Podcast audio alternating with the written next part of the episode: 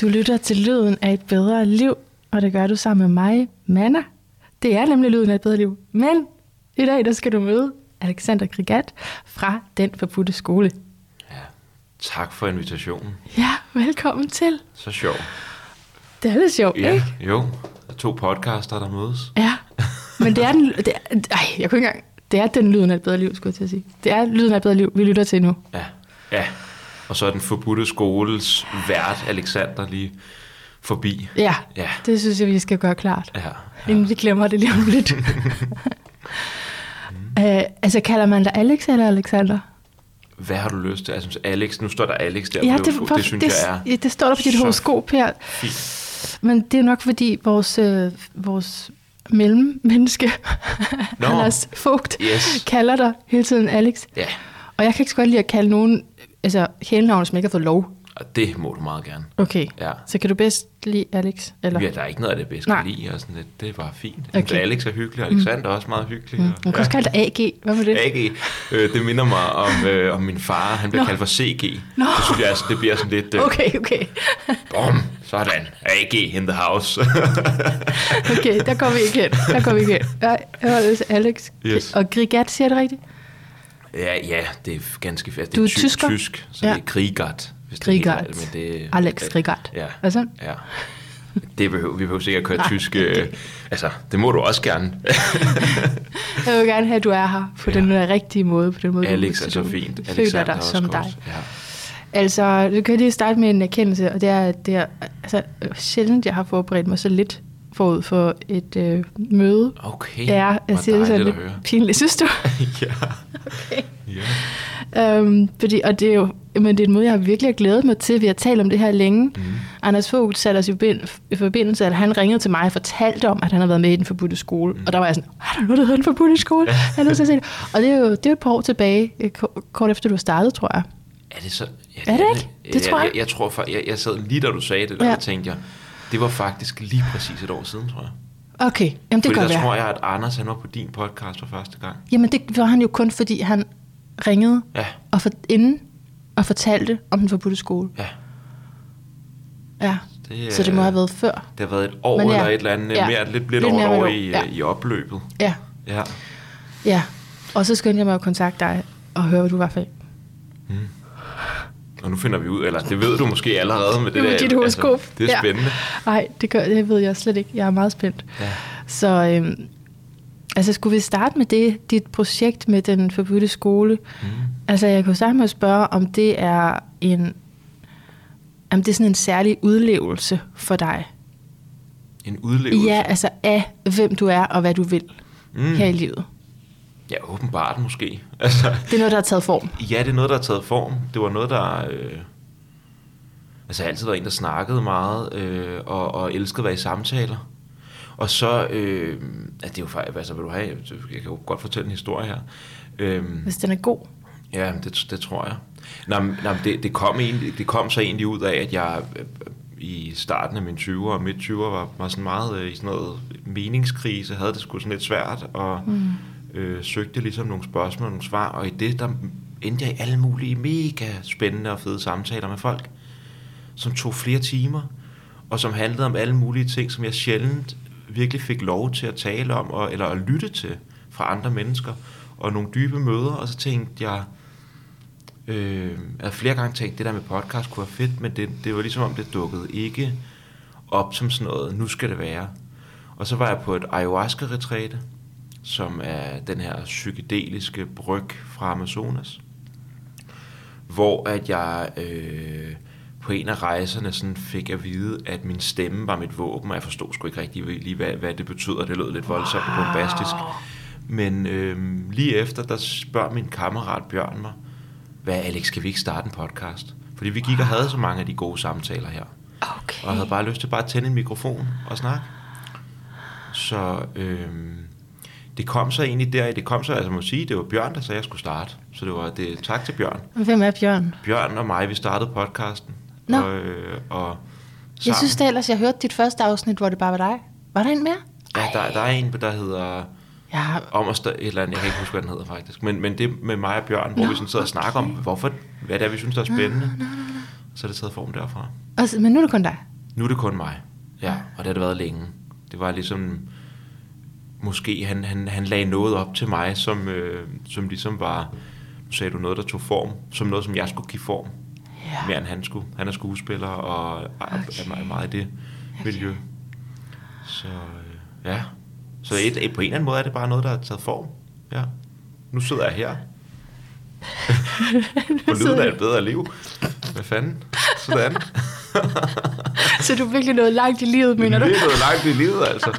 Nå, men, for, forstået på den måde, ja, altså det, det er jo så sjovt med den podcast, og også med at komme her, og du siger, du ikke har forberedt dig, det har jeg heller ikke. Jeg stod op i morges og tænkte, Nå, det bliver spændende. Det bliver mega spændende, og sådan har jeg det også med en podcast.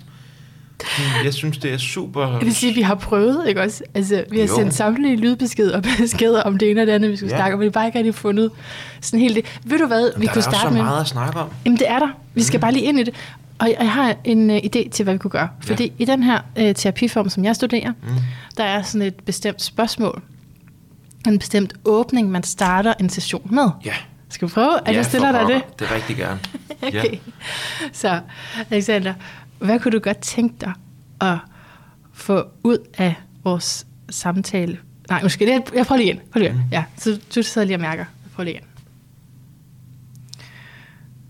Så hvad kunne du godt ønske dig for dig selv at få ud af vores samtale sammen i dag? Hvad ønsker du for dig selv? Altså, det er meget tydeligt, når du spørger på den måde.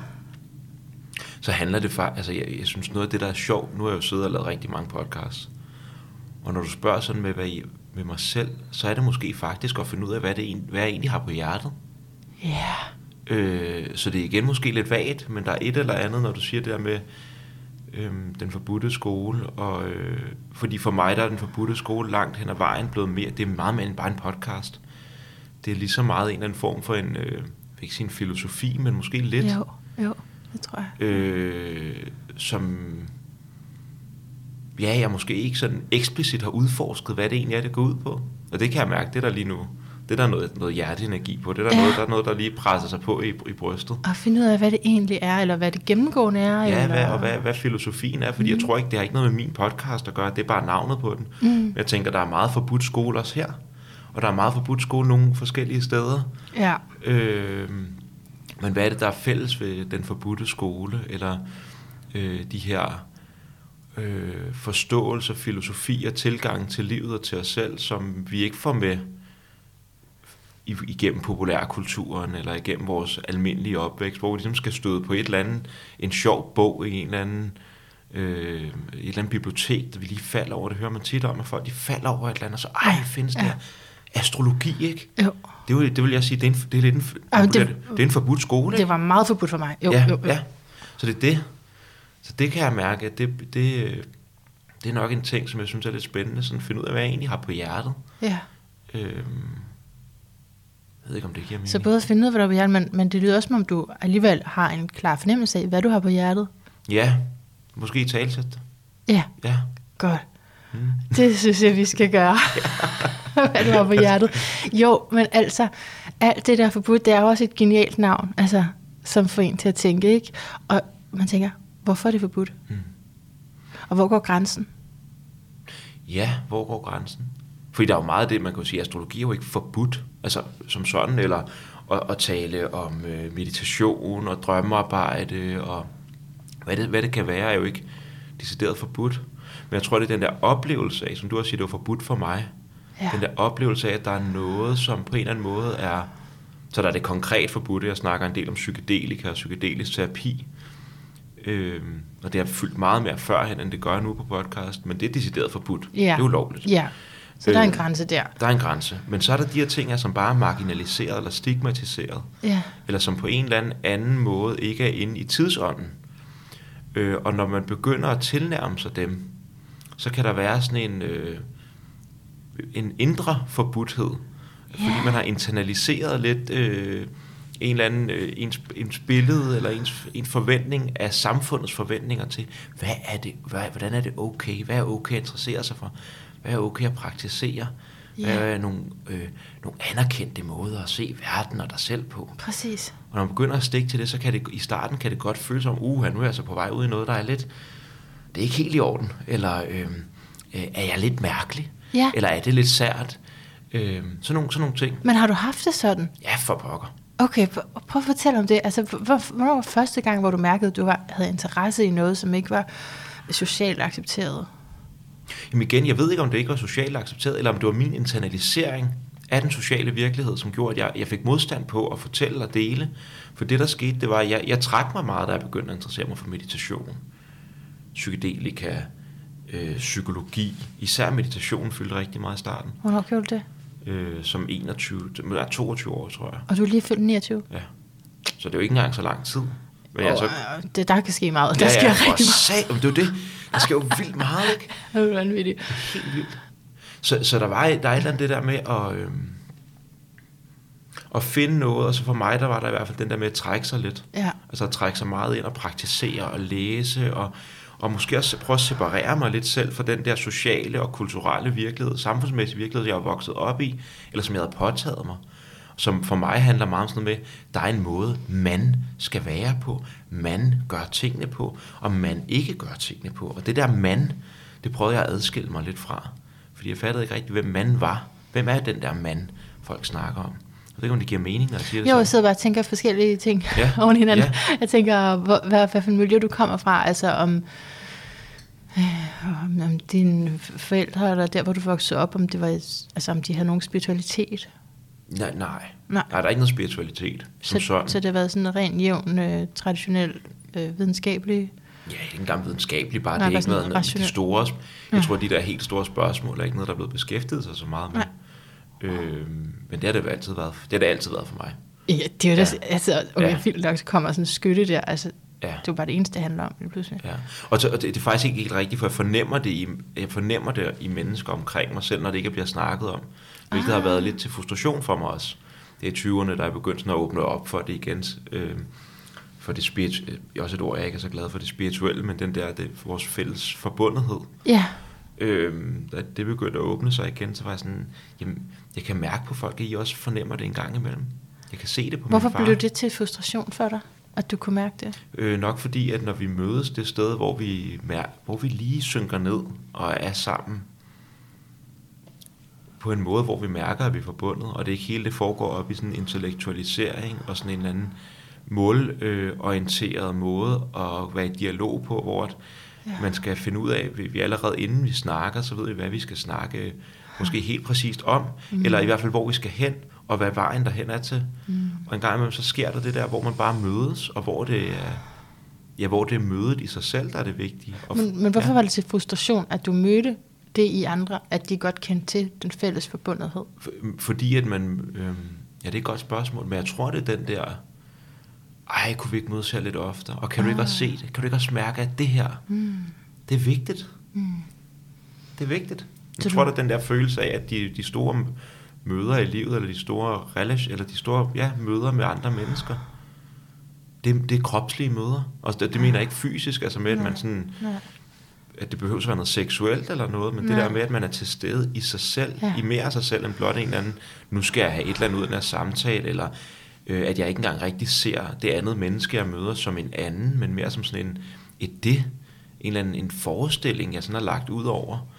Øh, så det vil næsten gøre det til, lidt til et, et andet menneske til et objekt, og det tror mm. vi ofte kommer til. Mm. Mm. Fordi vi ofte er vores funktioner og vores stillinger og alle mulige ting. Og når vi lige kommer nedenunder det, så er der bare et møde. Ja. Og øh, ja, det tror jeg egentlig altid har været fascineret af, jeg er lidt frustreret af, når jeg sådan, kom, kom nu, kan du ikke også, kan, skal vi ikke blive her lidt? Okay, skal vi så ikke blive her lidt? frustrationen er fordi, at dem du møder, altså så vil folk vil gerne videre, eller Ja, sådan, eller- og du vil hellere lige blive Ja, der. ja. Ja, eller at jeg, jeg fornemmer det, men den anden måske ikke helt for, Ah, ja, eller sådan, ja, åh, oh, jeg kan virkelig, jeg kan mærke, men øh, der var noget her, der var noget her. hvis du ville, Ja. hvis du havde mod på Ja. det. Ja. Ja, hvis vi turer sammen. ja. Og så siger jeg, at du har internaliseret noget Hmm. af det her, eller, og har du helt gjort op med det så på, på de år, der er gået? Altså, Gjort op med hvad? den, det du har internaliseret af, af, af følelsen af, at det her, det skal man ikke Mm. mm. beskæftige sig for langt ved. Hvor lang tid ved? Ja, så har jeg i hvert fald helt gjort op med, at jeg ikke skal beskæftige mig med det her. Ja. Men hele, det- hele det, jeg kommer fra, det jeg tror slet ikke er meningen, at man skal gøre op med det Nej. i sådan en forstand, at det skal væk. Nej. Men det er bare at komme en ny relation til det. Jeg synes, det er helt, altså jeg forstår det godt, og jeg synes, det er virkelig, virkelig vigtigt, så når man går en, en spirituel vej, eller en selvudviklingsvej, eller man finder nye veje, at det ikke bliver noget, der bliver stå i opposition til øh, kultur og tidsånden. Fordi så bliver, der, så bliver det bare mere konflikt. Spørgsmålet er, hvordan at, at det kan øh, integreres. Det er i hvert fald spørgsmålet for mig. Ja. Øhm, Ja. hvordan jeg både stadig kan, altså jeg føler mig som, jeg, egentlig så føler jeg ikke rigtigt, at der er sket særlig meget. På et andet plan er der sket vanvittigt meget. Ja. Og den der følelse stadig, af stadig bare at være Alex. Mm. Helt grundlæggende. Altså, det lyder også mærkeligt at sidde og snakke sådan om det, men fordi sådan er det jo. Altså, det, jeg er jo bare mig. Mm. Øhm, Men havde du ikke på noget tidspunkt en idé om, at du skulle have sådan mere en uddannelse på det etablerede marked? jo. Jo, jo, altså, det var noget af det, min frustration kom af, fordi jeg troede jeg havde fået, jeg havde internaliseret en forståelse af, hvad det gode liv var, og meget hurtigt, der viste det, øh, den forståelse sig som at være flad, og i hvert fald for mig hul. Og det var noget med, du skal på handelsskolen, Alex. Også selvom du har lyst til at tage på efterskole og nok på gymnasiet måske, så skal du på handelsskolen, mm. fordi du vil jo gerne arbejde i noget øh, investment banking, for oh. der er gryn at lave der. Der er virkelig penge, ikke? Og det er det, vi skal have. Vi skal have penge, så vi kan få, få en stor bil og hele det der. Øh, noget med noget skjorte og noget med nogle flasker i byen og derudad, ikke? Okay. Øhm, og, og har altid været enig, når jeg siger det lige nu, så kan jeg mærke, at det passer ikke helt, men det var det, jeg havde internaliseret, fordi det, der ikke passer, det jeg har aldrig nogensinde helt haft lyst til det. Men hvor kom det fra? Det ved jeg ikke, min far, venner, øh, det man ser i fjernsynet, TV-serier. øh, tv-serier, ja. Og, og en egen, en egen øh, forvirrethed omkring, hvad det egentlig er, jeg godt kan lide, og hvad det er, der giver mig mening og glæde. Og sådan en eller anden ting omkring, at, at øh, det, der sådan helt naturligt giver, giver mig glæde og følelse af mening og nærvær, at det er fint nok som hobby, eller det er fint nok at dyrke lidt i din fritid, eller, men Det mener jeg jo så, det er faktisk noget, vi får at vide, ikke? jo jo, det er jo, det er jo faktisk Altså, noget for at vide. Det, er altså, det, Det er faktisk rigtigt. Nu skal jeg passe på med at sige, nu repræsenterer jeg, nu kan jeg ved jeg lige normen, men det, det er min oplevelse, mm. at det er det, der er normen. Mm. At det, du skal ligesom gå på arbejde, tjene dine penge. Man Læg snakker også om work-life balance, ikke? Det er jo sådan mm. en, det er jo, jeg ved ikke, hvor meget det er en term mere, men det var jo en term i rigtig Jo. mange år, og især hvis man, hvis man læser et eller andet økonomi eller på handelsskolen, der blev der snakket om work-life balance, at vi skulle have balancere mellem vores øh, arbejde og vores liv. Og, og jeg, jeg har sgu nok altid tænkt sådan, det giver ikke helt mening, for der er kun liv. Oh. Og så en gang imellem, så bruger du tid på arbejde, en gang imellem bruger du tid for noget andet, men der er kun liv. Øh, så øh, der er et eller andet, der er, er, er grundlæggende, for, og det begyndte at stride på mig. Ja, Fordi jeg så meldte jeg mig ind på forskellige uddannelser, og kom ikke ind, og havde egentlig ikke rigtig lyst til at komme ind på CBS, og så altså, farede rundt i alle mulige uddannelser. Og så på et eller andet tidspunkt, så crashede jeg sgu bare sådan stille og roligt. crashede som i noget stress, noget... Nej, sådan ej, eksistentiel angst, tror jeg, man kalder det. Mm. Altså, hvem Hvad- er jeg? Hvad fanden handler det her om? Hvordan kom det til udtryk? Jamen, det kom til udtryk ved, at jeg var pisseked af det og bange, og øh, var, var, var dybt i tvivl om, hvem jeg var, hvad jeg var, hvor filen jeg skulle øh, gå hen af i livet for at få en svar på det. Øh, og havde haft øh, min parforhold med min kæreste, hun har haft det svært i en lang periode, taget mig meget af hende, og lige Mm. pludselig så var det sådan, så kom det hele bare tilbage til mig. Hvad med dig, Alex? Hvad så? Hvad vil du gøre ved det her? Mm. Øhm, og så crashede jeg og gav mig selv lov til at crashe, og det var faktisk i at give mig selv lov til virkelig bare at jeg ikke, crashe, eller og, øh, og virkelig at, at, at face den der eksistentielle frygt og angst. Øhm, at der begyndte at komme en fornemmelse af en strømning, der gik i en retning, som jeg kunne læne mig ind i. Wow. Okay, så inden den der strøm af en retning, du kunne læne dig ind i, var der et crash. Destruction. Jeg Ja. tænker en lille smule på dit horoskop også, fordi Ja. der er en del skorpion. Ja. Man kunne kalde dig skjult skorpion faktisk. Der er fire planeter i skorpionen, Mm. som handler om destruktion. Øhm, som handler om at vende øh, svaghed til styrke, Mm. faktisk. Og det kræver noget, ja, måske ikke nødvendigvis destruktion, men dekonstruktion så i hvert fald. Ikke? Ja, At, øh, at se på der, hvor øh, at det er, altså det går rigtig ondt. Mm. Der, hvor der, altså, det er jo det, når der er noget, der er svagt, ikke? Det resonerer Altså, helt vildt, når du siger det der. Ja. Det er meget sjovt, for jeg er ikke, jeg er ikke vildt meget inde i astrologien. Men jeg ved godt, at jeg er meget skorpion. Men, Ja. ja. det, men det er virkelig sådan en ting for mig. Mm. Og det gør jo så også, du har også Venus der, når du nævnte øh, øh, parforhold. Mm. Det, det, kan også, det står også for andre ting, men det kunne også være, det, øh, det gør også, at, at man øh, har brug for øh, forandring, eller nej, okay, vil sige sådan, ens behov forandrer sig. Mm. Ens behov forandrer sig, og dermed gør ens relationer jo også. Mm. har man behov for, at de relationer også forandrer sig, fordi. Ja. man selv er, Ej, der er sket noget øh, ja, det tror jeg, markant skifte. det tror jeg, min kæreste er glad for at høre på. At det ikke er, det, det er fordi, hun er indlejret i en relation til en, der hele tiden vil, nu skal der ske noget, nu skal vi forandres. blev, blev hun glad for at høre det, eller det, blev hun? det tror jeg, for lettelse, så det er ikke Ja. noget med hende at gøre. Nå, på den måde, Øh, det ja. tror jeg også, vi er ret ja. klar over, men øh, Ja. jamen, det resonerer virkelig. ja. Så ja, der, den der, Der var et crash, der var noget ja. Ja. der. Hvordan gjorde du det? Du sagde, du facede det, men hvordan gjorde du det? gjorde ikke noget. Okay, Jeg prøvede at lade være med at løbe fra det. okay. Jeg tror faktisk, det var ret konkret, det jeg gjorde. Meget hurtigt, så selvom jeg havde en eller anden forståelse af psykologer, det var der ikke nogen grund til at gå til. Øh, for det var det, altså igen, jeg troede, man skulle være meget syg, eller, eller, eller meget syg. Jeg troede, man skulle have en depression, eller et eller andet, sådan, hvor man har fået et papir ned fra lægen, og sådan noget, for at gå til psykolog. Jeg havde ikke helt den her forståelse af terapi, eller udvikling som noget, vi almindelige mennesker også almindelige, hvor er det mærkeligt at snakke sådan. Men at, at, det er bare noget, som mennesket måske egentlig har brug for. Psykoterapi betyder jo også sjæleomsorg. Så det er bare omsorg for sjælen og for sig selv. Så jeg gik til noget terapi nogle gange, og det var egentlig ikke, fordi det var sådan en vild stor øjenåbner eller noget, men det fortalte mig egentlig bare, at jeg kan læne mig ind i det her. Og så en eller anden dag, der øh, lavede jeg en stor app. Jeg har gjort ting på en lidt... Øh, måske for nogen en, en måde, der virker ekstrem, eller måske lidt... Øh, øh, måske småfarlig måde. Men det jeg gjorde, det var, at jeg tog en, lavede en ordentlig kop øh, cannabis-te, og så drak jeg den, og så satte jeg mig til, at nu vil jeg, jeg vil bare møde det. Så jeg drak den der, så Åh. satte jeg mig til at meditere, og så blev jeg ellers, øh, havde jeg virkelig en rigtig ubehag, en rigtig, rigtig ubehagelig oplevelse. Ej. Indtil jeg på et eller andet tidspunkt midt i det her med mit sind, det producerede alle mulige ulækre billeder og følelser af mindre værd og håbløshed og tanker omkring, at man ikke er en skid og hvad der ellers kan være. Øhm, så lige pludselig fandt jeg ud af, at der er jo helt stille et eller andet sted. På en eller anden måde er der helt stille. Okay. Og jeg var bare her. Så er der bare alt muligt, der bare gled forbi. Og det var... Øh, det var en af de der, fordi jeg sagde også, at så de pludselig mærkede, at der var en strøm, men strømmen har nok altid været der, så det er lidt mærkeligt at snakke om et startpunkt. Men det er sådan en, som jeg hele tiden kommer tilbage til, som om der skete et eller andet der. Ja.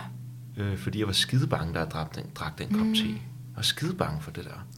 Og så gjorde jeg, og det er ikke fordi jeg anbefaler at bare at, at, at trumle igennem sin frygt, men det gjorde et eller andet for mig lige der i hvert fald. Og vi har jo også alle sammen hver vores horoskop, Ja, ja. livsvej, ja. ikke? Jo, lige præcis. Og der er virkelig noget ved skorpion der, som øh, skal ind i det, som ja, personen er bange for. Mm.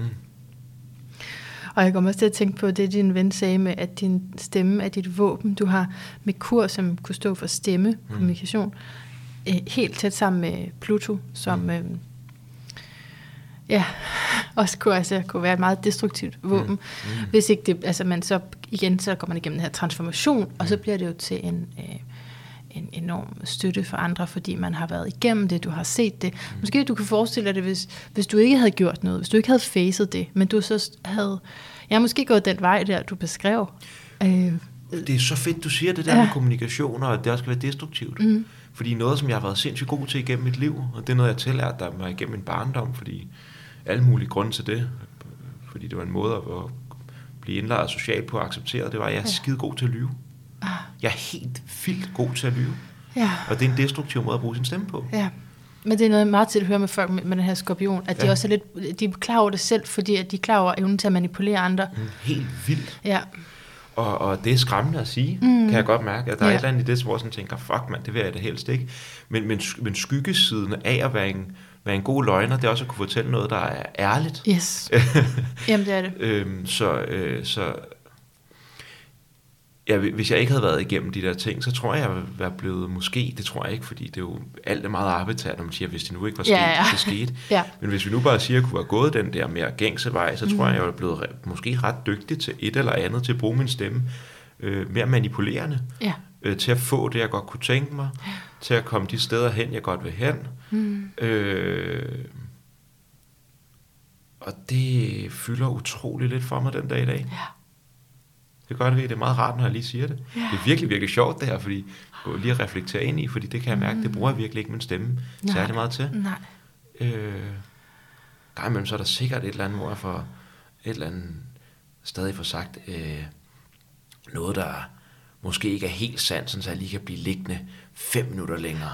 Eller et eller andet. Det skulle undre mig, hvis der ikke er de der ting, der, der er det sikkert. Altså liggende sådan om morgenen. Ja, ja, ja, ja. Jeg er syg dag, Eller- før jeg føber. Ja, jeg kommer om fem minutter senere. Jeg kommer fem minutter senere. Eller, eller lige snyde lidt, sådan, så man lige kan få lov til, altså for mig, det der meditation der, det kan godt være sådan en, hvor, åh nu skal jeg lige, finder jeg lige på lige et eller andet lille ting, der virkelig er vigtigt, som jeg også skal, og det skal jeg også, men det tager faktisk kun 5 minutter. Jeg siger lige, det tager 20 minutter, sådan, så jeg kan meditere lidt længere. Hvad det, kan være, ikke? det lyder næsten frømt, Alex, at du sådan bliver for at få lov at meditere Nå, jo, længere. jo, men det er stadig ikke, det var ikke helt ærligt, vel? Men, det Men det er så, fordi du elsker meditation så meget. Ja, det gør jeg. Ja. Det er i hvert fald lige, øh, det er det, det, er det blevet til. Øh, også meget, ja, det er blevet sådan en, øh, min, øh, mærkeligt at sige hobby, men det er, altså, det er jo en, livsvej og alt muligt andet, men det er også det sådan, hvis man hvis jeg ikke lige har noget at lave, så ej, ej hvor fedt.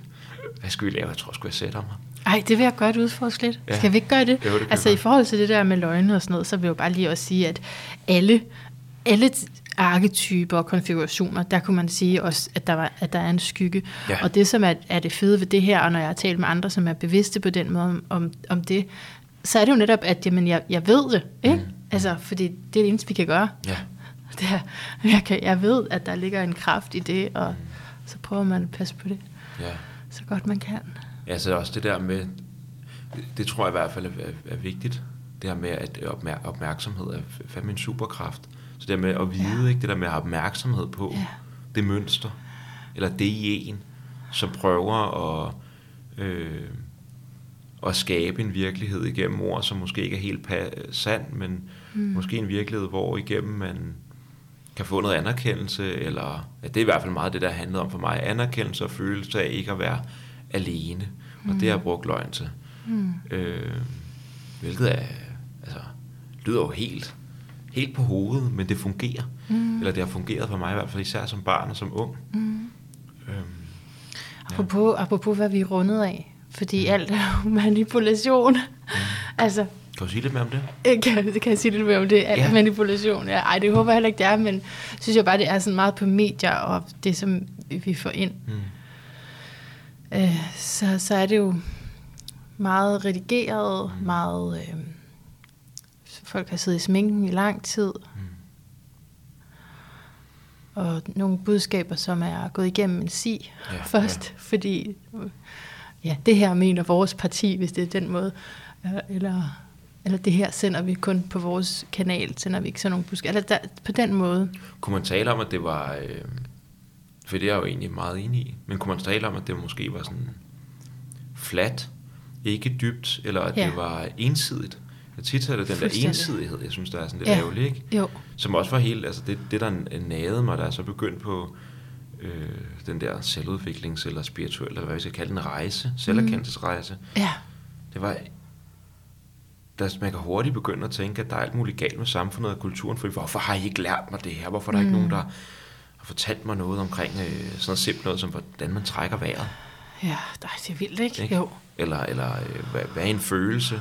ja, Øh, hvordan kan du relatere til en følelse? Hvordan er du i en god samtale? Hvordan lytter man? jeg har ikke Øh. lært noget om det. Nej, hvem lærer altså? Medmindre du er heldig, at du har nogle forældre, der på en eller anden måde har fået den Ja, øh, livskunst, på en eller anden måde lært ja. Den livskunst, så Ja. øh, Ja, så der er både det, det flade og det ensidige, og så er der det manipulative, som jeg ikke helt måske har ord for, men, men det er jo sådan til nogen, der vil have dig til at købe noget, mm, købe ind på noget, Ja. ja. stemme på noget, mm. tage mere af det her, se med igen næste gang. mm, Så, så deri kommer manipulationen ind Mm. som noget normalt, som også som en del af et, altså et sælgergen. Eller. mm. Men igen, der er jeg blevet nysgerrig på, at skyggesiden af det er. Ja. Fordi det, jeg mener med, med det overflade, altså det indimensionelle Ja. overflade, for lige bag ved Mhm. det, Mm. lige bag ved det, der er der en dybde, som nok vil give så meget mere Ja. forklaring til, Ja. hvorfor er det, at, øh, at det er så vigtigt, og øh, ja, det kan være reality, eller alle mulige andre ting, at fremstille sig selv på en helt bestemt måde, og nu gør jeg det selv lige her på en eller anden måde, ikke? Men, men have øje for, at, øh, at der er en dybde inde bagved, som øh, tit forklarer overfladen, eller giver den noget fylde, og sådan kan jeg godt sidde og kigge en gang imellem på, på nyhederne for eksempel. Altså, øh, prøve at ane de ting, der, der ikke bliver sagt. Oh. Så for eksempel, når, vi, når, når, de, når der er nu med krigen i Ukraine, og jeg ser ikke særlig meget nyhederne, men det er en meget sjov øvelse, er, og- eller sjov, det er ikke særlig sjovt, det er, i stedet for bare at høre på, hvad der sker, og hvordan at øh, nye kamptropper bliver sat ind, eller nu er der en bombe, der er gået af i Kiev, eller hvad det kan være, så lige prøver jeg at tune ind på, for eksempel sådan noget, som jeg er meget glad for at tune ind på, og som er forfærdeligt også, eller forfærdeligt, det er hårdt, den menneskelige lidelse, som vi ikke rigtig Åh. bliver præsenteret for, den ligger Åh. lige der under overfladen. Mm. Hvorfor er det, vi skal høre om det? Det er da ikke på grund af kamptropper og alt muligt, det er da på grund af, at der er unge mænd, der bliver sendt i krig. Mm. Der er kvinder og børn og mænd, der bliver slået ihjel i deres, det der for fem år siden var fred, fredelige områder, eller for to år, tre år, eller, jeg kan ikke huske, hvor lang tid noget i gang, det er kun et år. Mm. Og sådan kan man gøre med mange ting. Øh, man kan også gøre det på folk, hvor at, øh, man tænker, jeg er dybt uenig med, at man står og råber og skriger sådan over et eller andet. Og så bare lige se, at der er måske noget frygt, eller noget ked af det, eller en usikkerhed her. Og så kan man bruge det til at kigge bagved. Ser du, ser du nyhederne på den måde? Det gør jeg tit. Altså ikke hele vejen igennem, men jeg Nej, bruger men rigtig det er meget. vildt inspirerende. Ja. Altså, jeg tror, jeg tror, det bliver bare, altså, man kan også godt se det bare som om, man laver slik til sig selv, fordi det er grundlæggende mere rart. Det er rart at, have, at, at, at mærke øh, medmenneskelighed. At der er noget... Tilbage til det der med kontakt. Mm. Tilbage, altså, tilbage til det med kontakt, ikke? At der kan være... Øh, der kan være noget, der er lidt dybere end den overflade, man bliver præsenteret for. Ja. Og det er ret rart at komme i kontakt med den dybde. Ja. Og det behøver sikkert tage lang tid. Det er ikke fordi, jeg sidder og siger, at hver gang jeg ser TV-avisen, eller, Nej, nej, så sidder jeg hele tiden i kontakt med det. Mm. Men en gang imellem, hvis jeg for eksempel scroller ned ad TV2's nyhedsside, Mm. og der står en eller anden overskrift, og der er billeder af en eller anden soldat, Mm. så lige mærke, hvad det gør ved mig. Ja. Øj, det er tungt, mand. Ja. Så de er godt nok i krig der. Og jeg sidder her Mm. på min MacBook, Mm. og sidder og drikker kaffe, og har benene op på sofaen, og alt er godt. Mm. Og dernede, så alt er ikke godt. Nej. Og det er okay. Mm. Men så bliver det lige pludselig, så handler det om noget andet. Øh, ja. Så på den måde er alt ikke godt heller for Nej. dig, der læser det. Fordi der er den her bevidsthed om, at skal jeg se, om jeg kan formulere det rigtigt, men det her med den svageste, altså at, det, at vi har det ikke bedre end den svageste af os. På en eller anden måde, ja. Ikke? Hvis, hvis, hvis vi tager udgangspunkt i, at vi alle sammen er forbundet. Og Ja. det lige godt kunne have været mig. Og jeg, jeg tror faktisk, det handler, og det er også sådan, noget, som jeg også synes er, er, er godt at gøre op med, det er hele den her positivitet og glæde. Altså det her med, at vi skal være glade, og vi skal være positive alle sammen. Så det handler ikke så meget om, at for mig, der handler det måske mere om at komme i kontakt med, hvad der egentlig er. Mm. Bare sådan, nå ja, okay, der er en mennesker i krig. Det er fucking hårdt. Mm. Det er fuldstændig forfærdeligt, at vi stadig skal være i gang med det, samtidig med, at vi har så mange andre problemer, vi skulle tage os af. Mm. Så meget, der er svært. Og det kan vi ikke finde ud af. Og i stedet for at blive sur over, at vi ikke kan finde ud af det, det er der også plads til at sige, ej, nu må vi fandme tage os sammen. Mm. Mm. Men nede bagved det, der er der sådan en, ah, ej, Ja. Altså liden med. Ja, en, ikke, en, ikke så meget en liden, men bare en mærken. Okay. Mm. Det er ikke fordi, jeg skal sidde og lide over det. Jeg lider ikke over, at de er krig i Ukraine på den måde. Okay. Men jeg er ikke bange for lidelsen. Jeg er ikke bange Mm. for, at det går ind på mig at se Mm. de her unge gutter tage, tage krig. Det, kan, det er da smertefuldt, men det er da okay. Det må det da gerne være. Eller mærkeligt, hvis det ikke var det. Altså, der hører jeg jo virkelig uh, skorpionen tale der. Mm. Ej, hvor er det sjovt at høre. Øh, ja, øhm, og, og du, fordi to af dine skorpionplaneter er også i 12. hus, som mm. Også er lidelse, er den her dybeste medfølelse og fornemmelse af, at vi alle sammen er forbundet. Øhm, men det der jo så også er, det er, at du er skytte. Mm. Så der, altså, hvor er optimismen hen i dig? Sidder jeg lige og spekulere over. over det hele. Ja, ikke Jeg også? det er dybt optimistisk.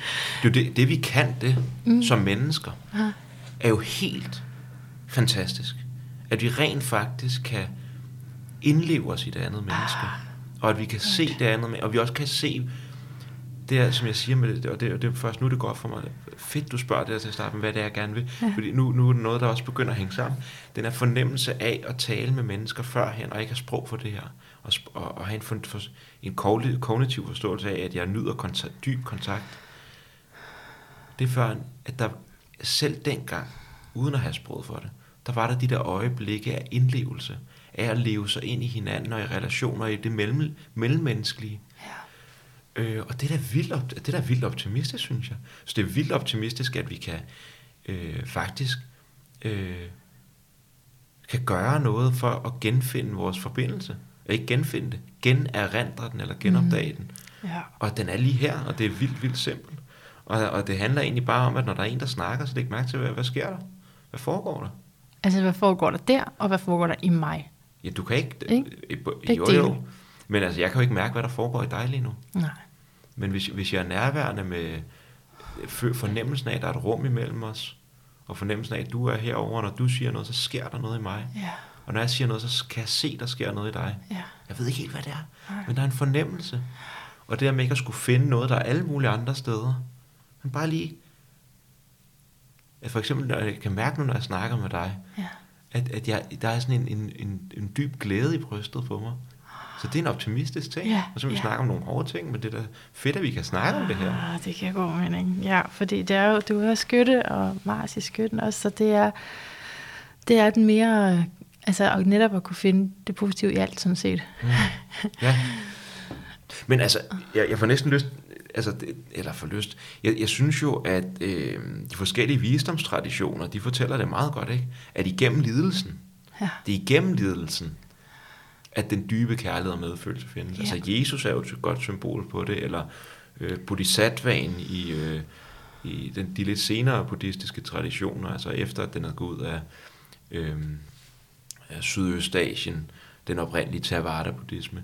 Så lige pludselig bliver det ikke så meget noget om, at vi skal transcendere og finde nirvana og ikke reinkarnere og ikke være i den her øh, cyklus af død og genfødsel. Nej, nej, nej, nej. Bliv ved med at komme her indtil alle, altså, indtil alle lidelsen har vi været i, fordøjet, for jeg lyst til at sige, fordøjet af lidelsen. Øh, og være der for alle andre levende væsener. Øh, og forståelsen af, at øh, der er noget vildt nådesfuldt eller kærligt ved lidelse. Øh, og det er lidt fucked up. Men, Ja, øh, det står men, ikke. Nej, men det er fandme... Men jeg ved godt, det er det, der er processen jo, Mm. til at man ikke sidder fast i sin Må jeg så ikke fælder. de, de gange, hvor du, jeg ved ikke, du må endelig sige til. Ja, jeg bliver men- nervøs, når du ja, skal spørge mig. Men, men bare det der med, øh, de gange, hvor du måske har oplevet livet i dit liv. Ja. Jeg siger ikke, det er sjovt. Nej. Jeg siger ikke, det er rart. Mm. Men er der kommet noget ud af det? Er der kommet indsigt? Har det, har det, har det, har det udvidet din, øh, dit, din, din, din hjerte, dit hjerterum? Nu er bare helt ærlig, ikke? Ja. Jeg vil hellere have læst mig til det, Ja. Alex. Jeg vil Ja. simpelthen hellere have læst mig til det, end at være igennem det. Ja, det forstår jeg. Men Mm. mm. det er, det er, i det der ligger der lidt en forståelse af, at, at hvis man kunne læse sig til Ja. at få samme erfaring, Ja. og min pointe er, tror jeg, at det kan du ikke. Nej, og jeg tror, det er det, jeg er sur på. Ikke? Ja, altså, jeg er sur jeg på, forstå, at det skal ikke? være sådan. Jeg er sur Ja. på Gud på den måde. Jeg er sur Ja. på, at, at, at man ikke, altså, ja, at det ikke lige kunne have været lidt lettere. Ja, det kan Men- jeg virkelig godt forstå. Men du har det så ret, at og hold nu op, hvor har jeg altså, smidt mange skin. Og taget mange indåndinger, som var det for første gang. Mm. Ikke? Det har jeg, og det har jo været fordi, at øh, der altså, at have været i noget, som øh, har gjort rigtig ondt. Ja, Ja, ja. Så jeg tror, altså, jeg er fisk, ikke også? Og det er, det er den, som har sværest ved at, øh, at acceptere inkarnationen, sådan arketypisk. ja. Så måske er det det, der kommer op lige nu, når jeg tænker over det, at, at man har ikke lyst til, at det bare skal være bliss. Mm. Ja, Ikke? mere, mere formløst, ikke så øh, Ja. ja, inkarneret. Ja. Men, og, det- og det er jo der, hvor, og det, men det er jo lige præcis det, som mange af de spirituelle traditioner faktisk peger på. At, at øh, inkarnationen, eller det at blive til form, det er en vildt smertefuld proces. Ja. Og så det her med, at, øh, nu siger du, at, at kaste skin. Mm. Det er også, det, jeg tror, det, det er sjovt, det med kasteskin, det er også at få lægge noget fra sig på en eller anden måde. Men vi lægger noget fra os i takt med, at vi påtager os mere og mere. Øhm, Ja. tror jeg. Mm, mm, Fortager os noget mere ægte, eller? Ja, Forhåbentlig. forhåbentlig. Ja, noget mere ægte, men i min forståelse, så er det ægte, det er noget meget konkret. Altså som sagt, det der med, okay, hvis jeg føler smerte lige nu, så lad mig, lad mig mærke den smerte. Og, og i, om, i at, altså ikke at mærke, ikke dyrke det. Jeg snakker ikke om at dyrke det, så nu skal vi virkelig have ondt af os selv. Det er ikke det, jeg mener. Nej. Jeg mener sådan helt konkret, okay, du har det. Hvad mærker du? Ja. Hvad mærker du? Når det er sådan, det er.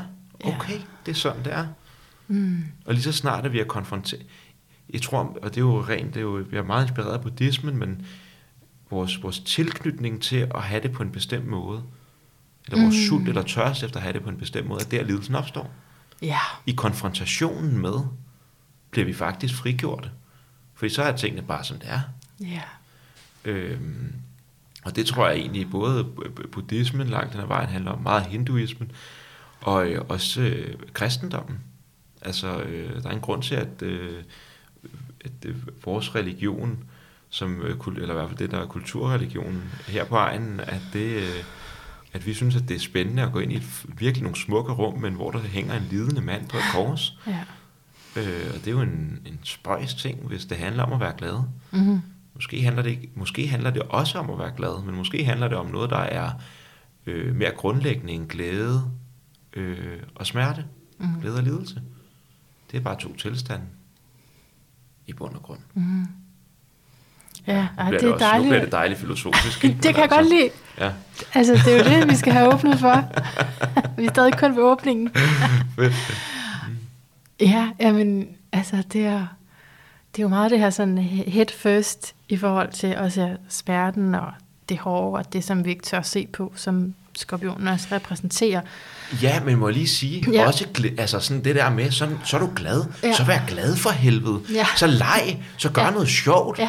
prut og grin, og lav det, du synes, der, er- der får dig til at få at grine. Mm. Altså, sådan, jeg, jeg tror, det der, øh, den der konfrontation og det der, det, vi, det handler, jeg synes egentlig bare, det handler om at være nærværende, men altså, det, det, det handler ikke kun om lidelsen, det er bare meget vigtigt Nej, for jeg, mig at jeg, jeg, jeg tror, jeg sidder, sidder nok lidt i det, at, at der er så meget, altså, det var ikke retfærdigt, det var ikke i orden. Og Nej. det, og det er også, når du siger det med altså, møde det hele mod smerten, det er jo også noget, vi har været med i den der terapi, at, at der netop er noget, der er blevet lukket ned. For eksempel vreden over, at det ikke var i orden. Yes. Så har man bare sagt, nå, nej, mine forældre har også været igennem meget, og deres og dem, og Ja. et, hele generationen tilbage. Mm. Og, så, og så kommer man glip af at faktisk at mærke, det var ikke i orden, Det var ikke de behandlede i orden, mand. mig sådan. Nej. Og så samtidig Så, så, var det ligesom det skulle være. Ja. Det er det, der jeg prøver Ja, gerne vil komme men er tilbage til hele tiden. Ja. Det med, det er ikke i orden, eller øh, noget, som også er farligt ved, hvis man sidder og mediterer meget, eller bliver meget spirituel. Ikke? Det er der spiritual bypassing, Ja. hvor så alle de her meget menneskelige følelser af mindre værd, ja. af at føle sig ensom, af at blive vred, af at føle alt muligt. Mm. De her ting, så er det sådan noget, vi skal sådan have væk. Mm. Og hvad er vi så i gang med? Så er vi i gang med sådan at prøve at transcendere vores menneskelighed, og så Ja. ja. hvis vi lige tager tilbage til Jesus som, som, som symbol, nej for helvede, det er ikke det, du skal Nej. ja. ned Ja. ja. og være menneske. Ja. Nej, det var fandme ikke i orden. Og det er helt okay, at det ikke var i orden. På en eller anden måde. Det er ikke okay, men det, altså, det er helt okay. Jeg Det er ved, det, vi skal se på, det er det, ja. vi skal mærke. Ja, Og for at kunne blive mere sådan hele og, og komme ind til, hvem vi er. Og du gør sådan her. Fylder. Ja. Jeg skal faktisk fylde, jeg skal åbne min arme endnu mere. Det der med at komme ned i sin krop og mærke Ja. og sådan fylde nu. Altså, Ja. Og ikke fylde for meget, eller for, det, men fylde det, du fylder. Det her er. Ja. Mm, ja. Så, det, jeg tror, jeg tror det, det var, hvis du spørger direkte, er det ikke bare fedt, at du har været igennem alt det lort, du har? Så er jeg bare sådan, nej, på ingen Nej, måde, og det nej. var ikke i orden. Så er det lige det, der kommer frem. Ikke? Ja. Men selvfølgelig har jeg fået nogle ind- indsigter. Ja. Og jeg Ja, tror, noget af det, vi har det har glemt, og jeg tror faktisk, at øh, noget af det, vi har glemt, tror jeg, eller øh, noget af det, som i hvert fald negligerer helt vildt i vores samfund, det er en forståelse om, at viden er en, der er en form for viden, der er anerkendt. En form for viden, som øh, som, som er ikke, ikke accepteret måske så meget, men som er anerkendt på den her måde med, at du kan få øh, tid i Godmorgen Danmark, eller øh, skrive øh, videnskabelige artikler, eller blive ekspert på et eller andet. Og det er propositionel viden. Viden, som jeg kan øh, udforme i ord og sætninger, Ja. sådan så at de giver en eller anden logisk mening Ja. og peger i retning af noget. Og det er ikke fordi, at den viden er dårlig. Den er fantastisk. Det er derfor, vi kan læse bøger og alt muligt, og vi kan snakke sammen. Men, men den viden er både evolutionært, er det jo den, den seneste form for viden, der er kommet. Og på et andet plan, på sådan et helt oplevelsesplan, så er det tit den, der kommer sidst. Mm. Altså, vi er først på en eller anden måde, at vi kroppe i verden. Eller allerførst er vi måske bevidsthed, eller et eller andet, det, som man siger det, eller væren, eller man kan sige alt muligt om det, men vi, er krop, vi, vi, er en, vi har en kropslig oplevelse, vi har en relationel oplevelse. Vi står hele tiden i relation til vores kroppe og til andre, mm. og har erfaringer. Og så prøver vi at sætte ord på ting, og det er rigtig godt. Men det der med, at vi, vi har givet den her kognitive, Yes. intellektuelle vidensform Ja. så meget Ja. øhm, overfokus, overopmærksomhed, så træ- fratrækker vi os for så meget andet. Og når vi så skal lave den der bevægelse ned i vores andre måder at vide på, vores udlevede viden, eller vores handlende viden, som er, jeg ved ikke, hvordan jeg cykler, men der er noget, der ved det, og den gør det bare. Tavsviden. Tavsviden. Øh, der er en viden, som handler om, jeg ved lige nu, hvad for en, jeg ved, jeg sidder her.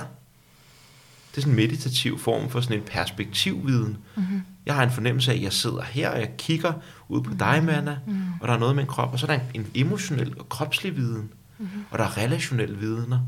Altså sådan, at, at, at vi sammen kan, vi kan nærmest, øh, det, og det er det meget inspireret af en kognitionsforsker, der hedder John Vavaki, som snakker om det her med, jamen, vi har, vi har også øh, vidensformer, som er kollektive.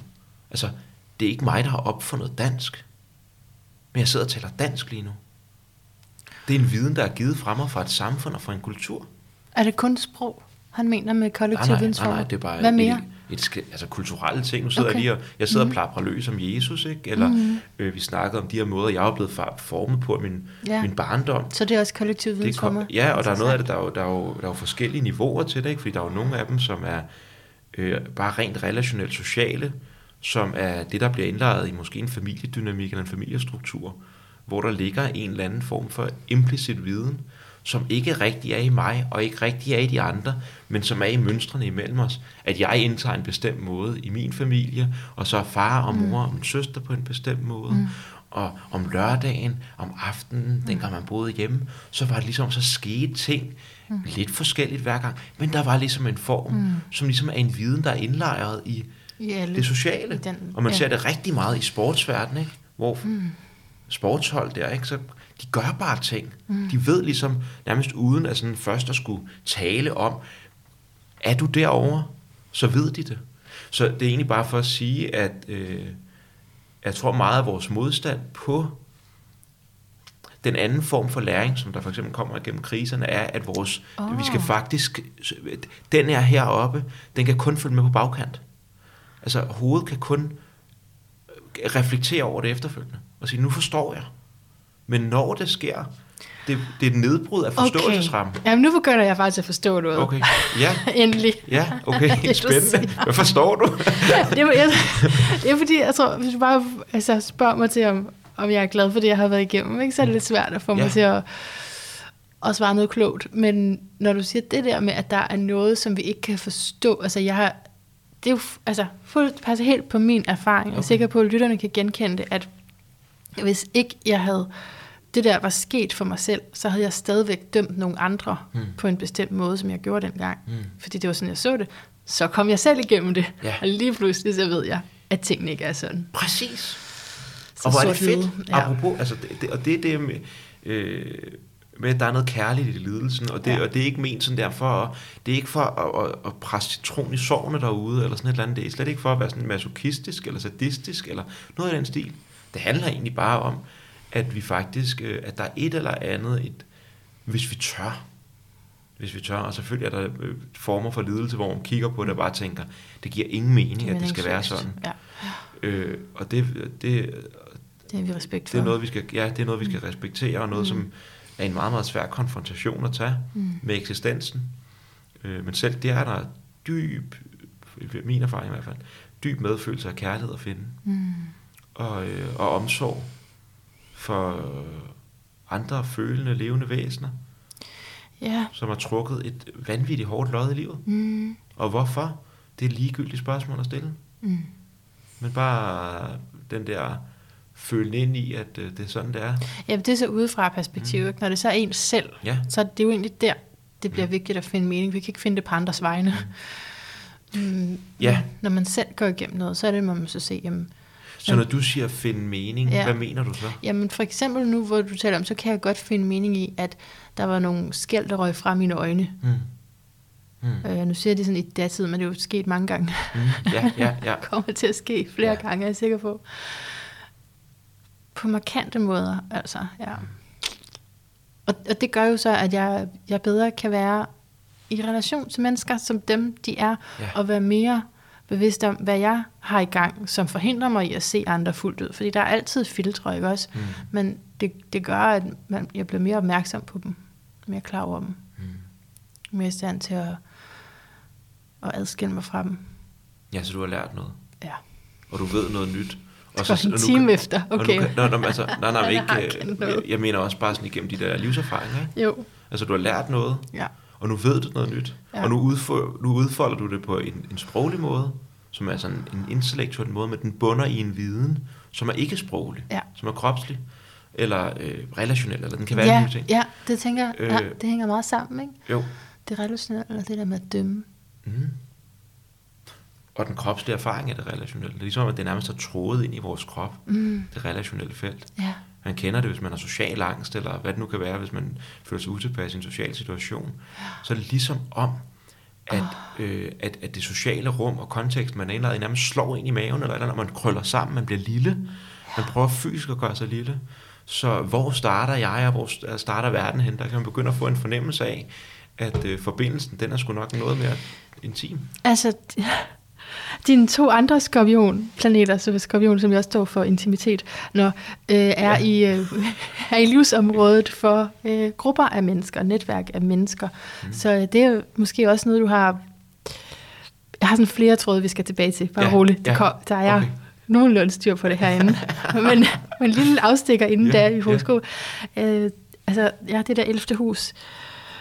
Og jeg, jeg tænker bare, er det ikke vildt, hvor bange vi kan gøre hinanden for hinanden, eller hvor bange jeg kan være for andre. Mm. Hvem er det, du er bange for? Mm. Jamen, jeg genkender jo det eksempel der, og jeg Ja. møder mange mennesker, Ja. som er, er på en eller anden måde akavet i det sociale. Jeg har vokset rigtig meget i forhold til det, men jeg kan da stadigvæk... Og, og nervøsitet, bare når vi møder hinanden, altså, Ja. der, der skal lige noget tid til, før at, at min mave kan give slip, ikke? Mm. Ja. Så Ja, det er en interessant, hvorfor vi gør hinanden så bange. Ja. Og jeg tænker, det må du vide noget om, fordi du har nogle erfaringer med, med mange mennesker. Det ved jeg ikke, om jeg ved noget om, men jeg, men jeg har nogle, det tror jeg, der, Nogle der dukker erfaringer. noget op. Eller Ja. sådan, det første, jeg tænker, det er, igen, der, det ligger i vores sprog, så siger vi, øh, at vi- gør hinanden bange, men det, som du så siger, det er din mave, der kan give slip.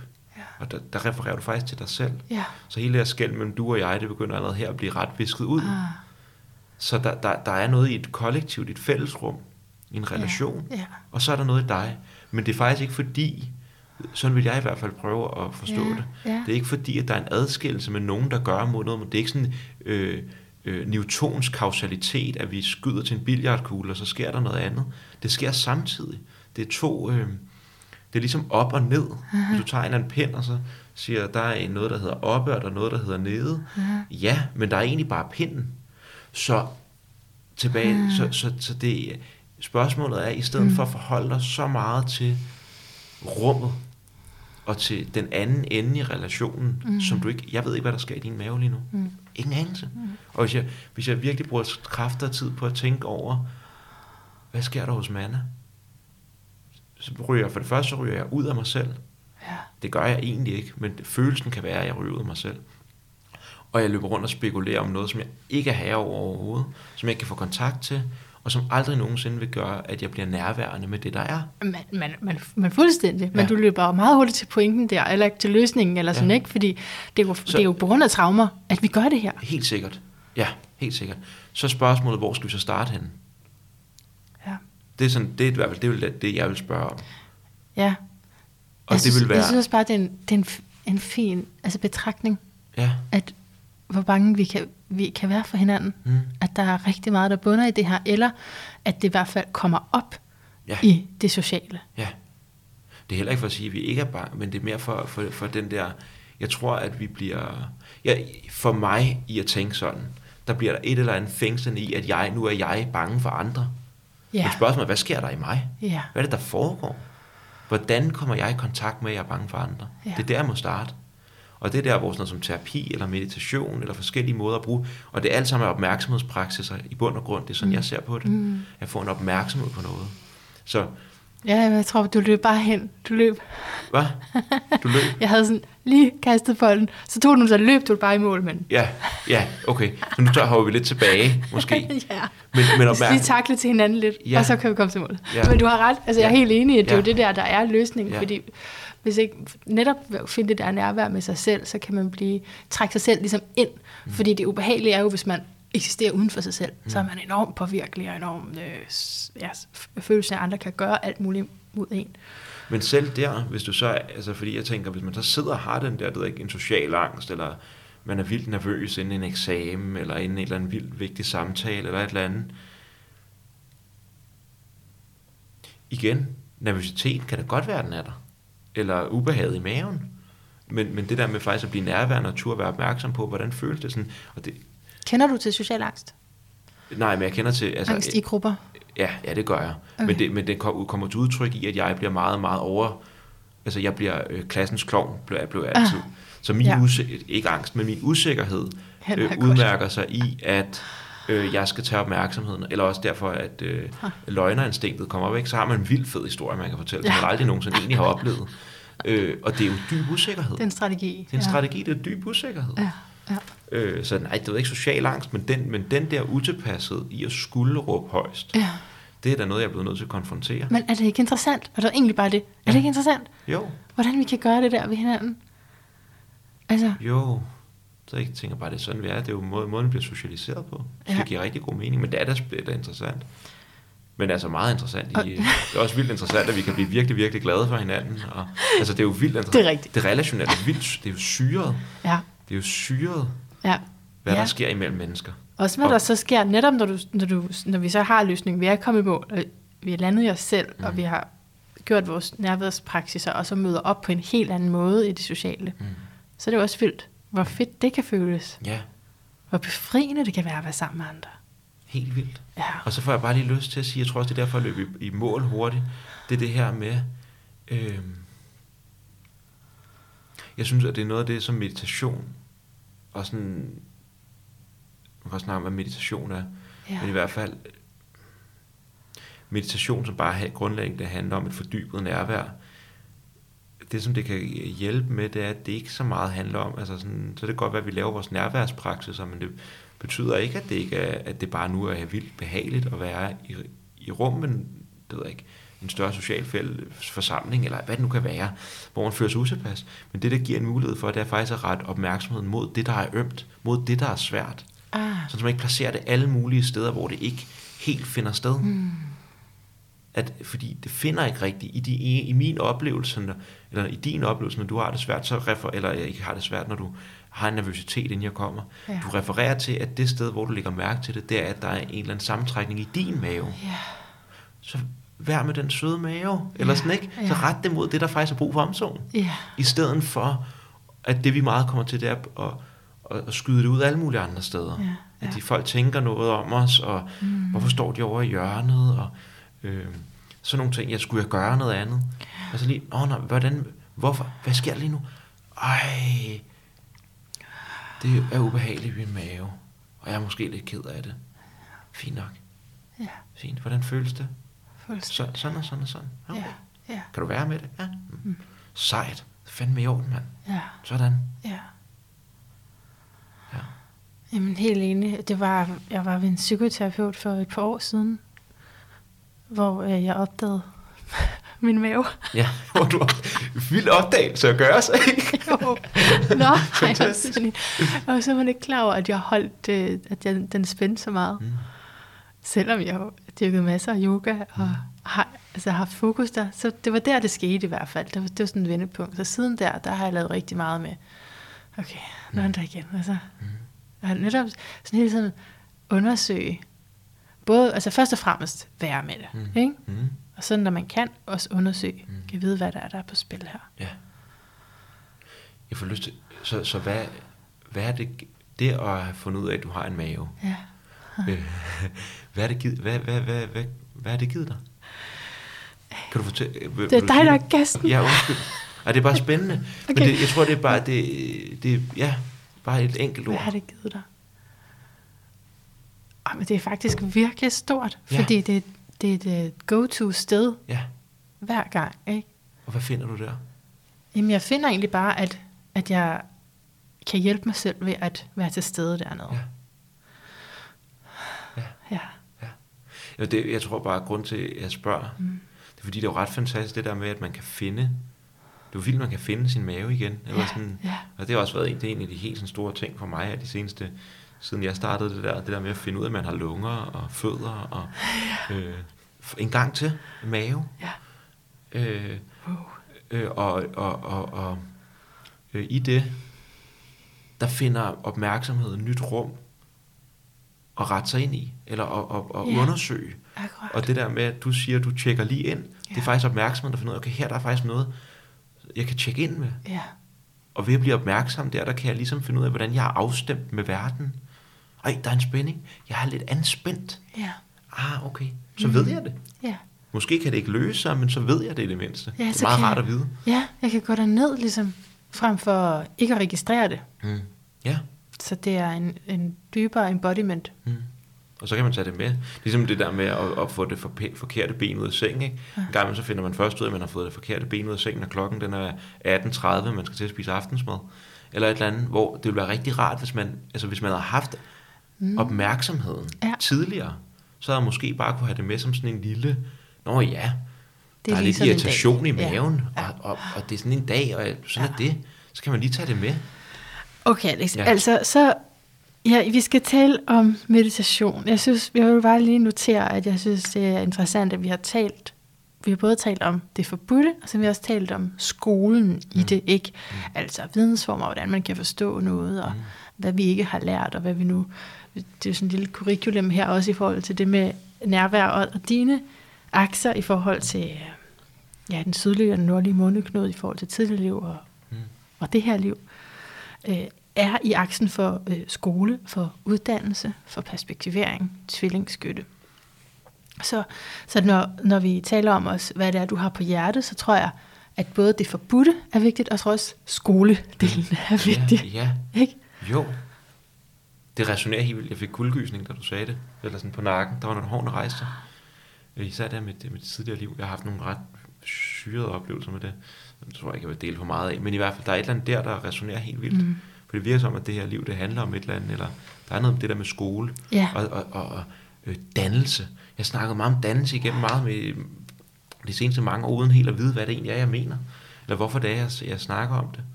Øh, men det handler om de her, tror jeg, så vidt jeg snakker om, de her forskellige vidensformer. Ja. Ja. Ja, ja men jeg kunne godt have nogle idéer til nogle tidligere liv, men det, det skal man vi tage på den tidspunkt. Jeg kan, jeg kan komme til at sige alt for meget forkert. Det kan vi ikke have.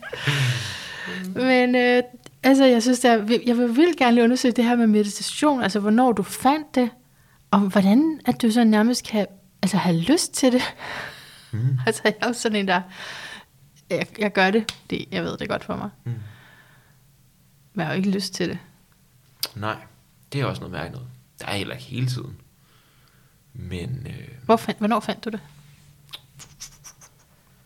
igen, der tror jeg, at man skal snakke om genfærd, eller det der med, som børn, der tror jeg, man gør det ret naturligt. Det er Ja. så en anden form for meditation, Ja. fordi man ikke har været igennem hele socialisering, eller været hele det der med adskillelsen igennem, eller, øh, men jeg fandt det egentlig på en ferie, der var 21 eller sådan noget. Øh, eller en ferie, en rejse, hvor min øh, svigermor havde givet min kæreste en bog med Nhat Hanh, mm. og øh, jeg lå og læste den, og blev super frustreret over hans måde at skrive på, for det var så simpelt. Og så alligevel så fucking uforståeligt for mig, at øh, at rødt lys skulle være en overvågenhedsklokke, vi kunne være taknemmelighed for. Hvad mente han med det? Men det føltes også bare sandt. Øh, og så begyndte jeg bare på alle mulige mærkelige ting. Så min, min meditationspraksis har været... Øh, jeg har skudt sindssygt meget med spredhavl, altså. Øh, så sad jeg derhjemme og chantede øh, sufi-mantraer, så jeg sagde, Allah, Allah, eller øh, chantede Hare Krishna, og så lå jeg med binaural beats i tre timer, og prøvede at ændre mine hjernebølger, og Nice. øh, lad- alt muligt, bare prøvede forskellige ting. Ja. Men igen, den der cannabis-oplevelse var faktisk der, jeg fik et lille gennembrud. Det er lidt ærgerligt for mig at sige, for det ville være så dejligt, hvis det var fuldstændig sobert. Men øh, det var det ikke. Men det var den der oplevelse af at, øh, at, at finde det der, den der indre stillhed, øh, som var der, imens der var her meget larm. Mm. Ja, så var der stille. Øh, og så begyndte jeg bare at sætte mig. Så vil du gerne vende tilbage til den stillhed. Ja. Mm. Og øh, ja, Og sæt dig, og sådan, satte du sådan uret, ja. så hvor lang tid? Jeg tror, jeg, start, jeg startede bare med de der 20 minutter, som var alt for lang tid. Det er mega lang tid jo. alt for lang tid i starten. Men, men der er jo også, altså, det er meget sjovt, det du siger, det der med smerten og sådan noget, men der er jo virkelig, det er jo meget sjovt, det der med bare at sætte sig, og så øh, meditere på smerten i knæene, der kommer ret hurtigt, hvis man ikke er vant til at sidde, eller et eller andet, ikke? Ja. Sådan, hvordan, hvad er smerte egentlig? Øh, rent sensorisk. Så det blev meget også hurtigt inspireret af det buddhistiske af, øh, det handler ikke om at transcendere så meget for mig, det handler ikke om, at der skal komme lys og gode følelser, men det der med virkelig at prøve at se, hvor man kan blive nærværende med det, der er hele tiden. Øh, om det er smerte i knæene. Og det, der er sjovt jo ved det, øh, når man begynder at, at, at tankerne omkring smerten i knæet, og sådan den der kropslige modstand, der kan være, det kan føles næsten som om overkroppen trækker sig væk fra knæet. Øhm, når det begynder at lægge sig om bare med smerten i knæet, så er det jo bare øh, sanseindtryk, der hele tiden fluktuerer rundt i et lille område, og så er det egentlig ikke meget mere. Og så er der frihed lige der. Så det handler meget om frihed for mig, meditation. Det handler om frihed. Okay. Ikke om at blive glad, men om at blive fri. Ja. Ja. Som jo også er det skytten ved. Det er det skønne ved. Det er jo det skytten ved. Sådan der. Og især i første hus, det er så meget. Ja, okay. Så det handler om at blive fri. Ja. Og mm, det er jo så igennem noget, hedder det tapas. Tapas. Ja, Altså med det, nej. span, det spanske tapas. Det hedder ikke serrano skin, geoliven. Nej. Det er et eller andet yoga-ord, som jeg synes lyder ligesom Nå, tapas. ja. Men det er nok... Jamen, jeg er ikke så god i yoga-traditionen. Jana? Nej, det er Nej. noget, der rimer på tapas, men Okay. det er nok ikke, det er ikke helt ord. Nej, nej. Nå, men det her, der betyder vedholdenhed. Mm. Og gør det igen og igen og igen. Ja. igen. Ja. Så gør du det, altså, gør du det fast? ja. meditation? Ja. Ja, det så på jeg. faste tidspunkter? Ja, ikke, men jeg er et ret kaotisk menneske, forstået på den måde, jeg er ikke så god til at have for faste strukturer. Nej, strukturer okay. er noget, der opstår, mere end det er noget, der øh, jeg laver, tror jeg. Men så er det mere sådan, du siger, at det skal jeg i hvert fald gøre hver dag, eller så mange gange her om ugen? Jeg skal eller? meditere hver morgen, og Okay. øh, altså, jeg, altså, jeg vil rigtig gerne meditere halvanden til to timer minimum om, dag, om dagen. Seriøst? Ja. Wow. Altså det er sådan, det kunne, det har, det er dejligt for mig at få gjort. For det er delt op i to, eller på én gang? Det er forskelligt, hvad der passer ind i dagen. Hvis jeg for eksempel har tidlige klienter om morgenen, eller sådan, så øh, bliver det måske kun en halv time der. Så sætter jeg mig også en halv time imellem nogle klienter. Og så, Og hvad, hvad gør du så? Så sidder du bare helt i stillhed? Eller er det beats, eller er det mantra? nej, jeg sidder i stillhed. Okay. Jeg sidder i stillhed, sidder på gulv, altså nu tager jeg der bare sådan helt Ja, please gør det. på en pude på gulvet. Og så øh, min første meditation på dagen, der sætter jeg mig, og så tager jeg et par dybe indåndinger, og så tager jeg en bog med nogle buddhistiske, nogle forskellige uddrag fra buddhistiske tekster.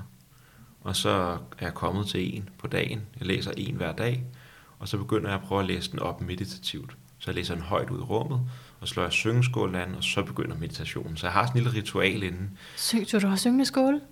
Jeg er en sådan syngeskål, jeg lige slår an, som sådan markerer, nu går meditationen i gang. Okay.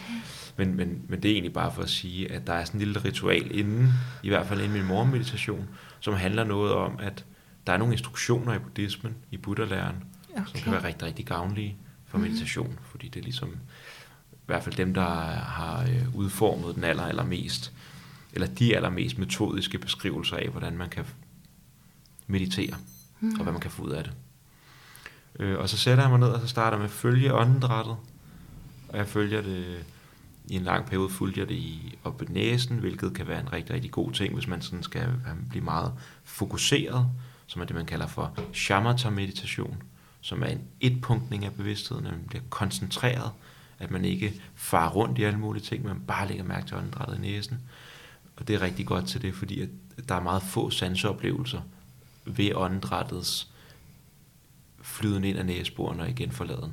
Mm. Hvis du lige prøver at mærke det. Jeg synes faktisk, det er svært lige at finde. Ja. Så måske kan man lægge mærke til, at der er sådan en fornemmelse af, at luften er lidt kølig på vej ind. Det er lidt kulde, ja. Ja, og på vej ud, der er der bare sådan en, en let fornemmelse af brise, som har nærmest samme temperaturen som næsen nu.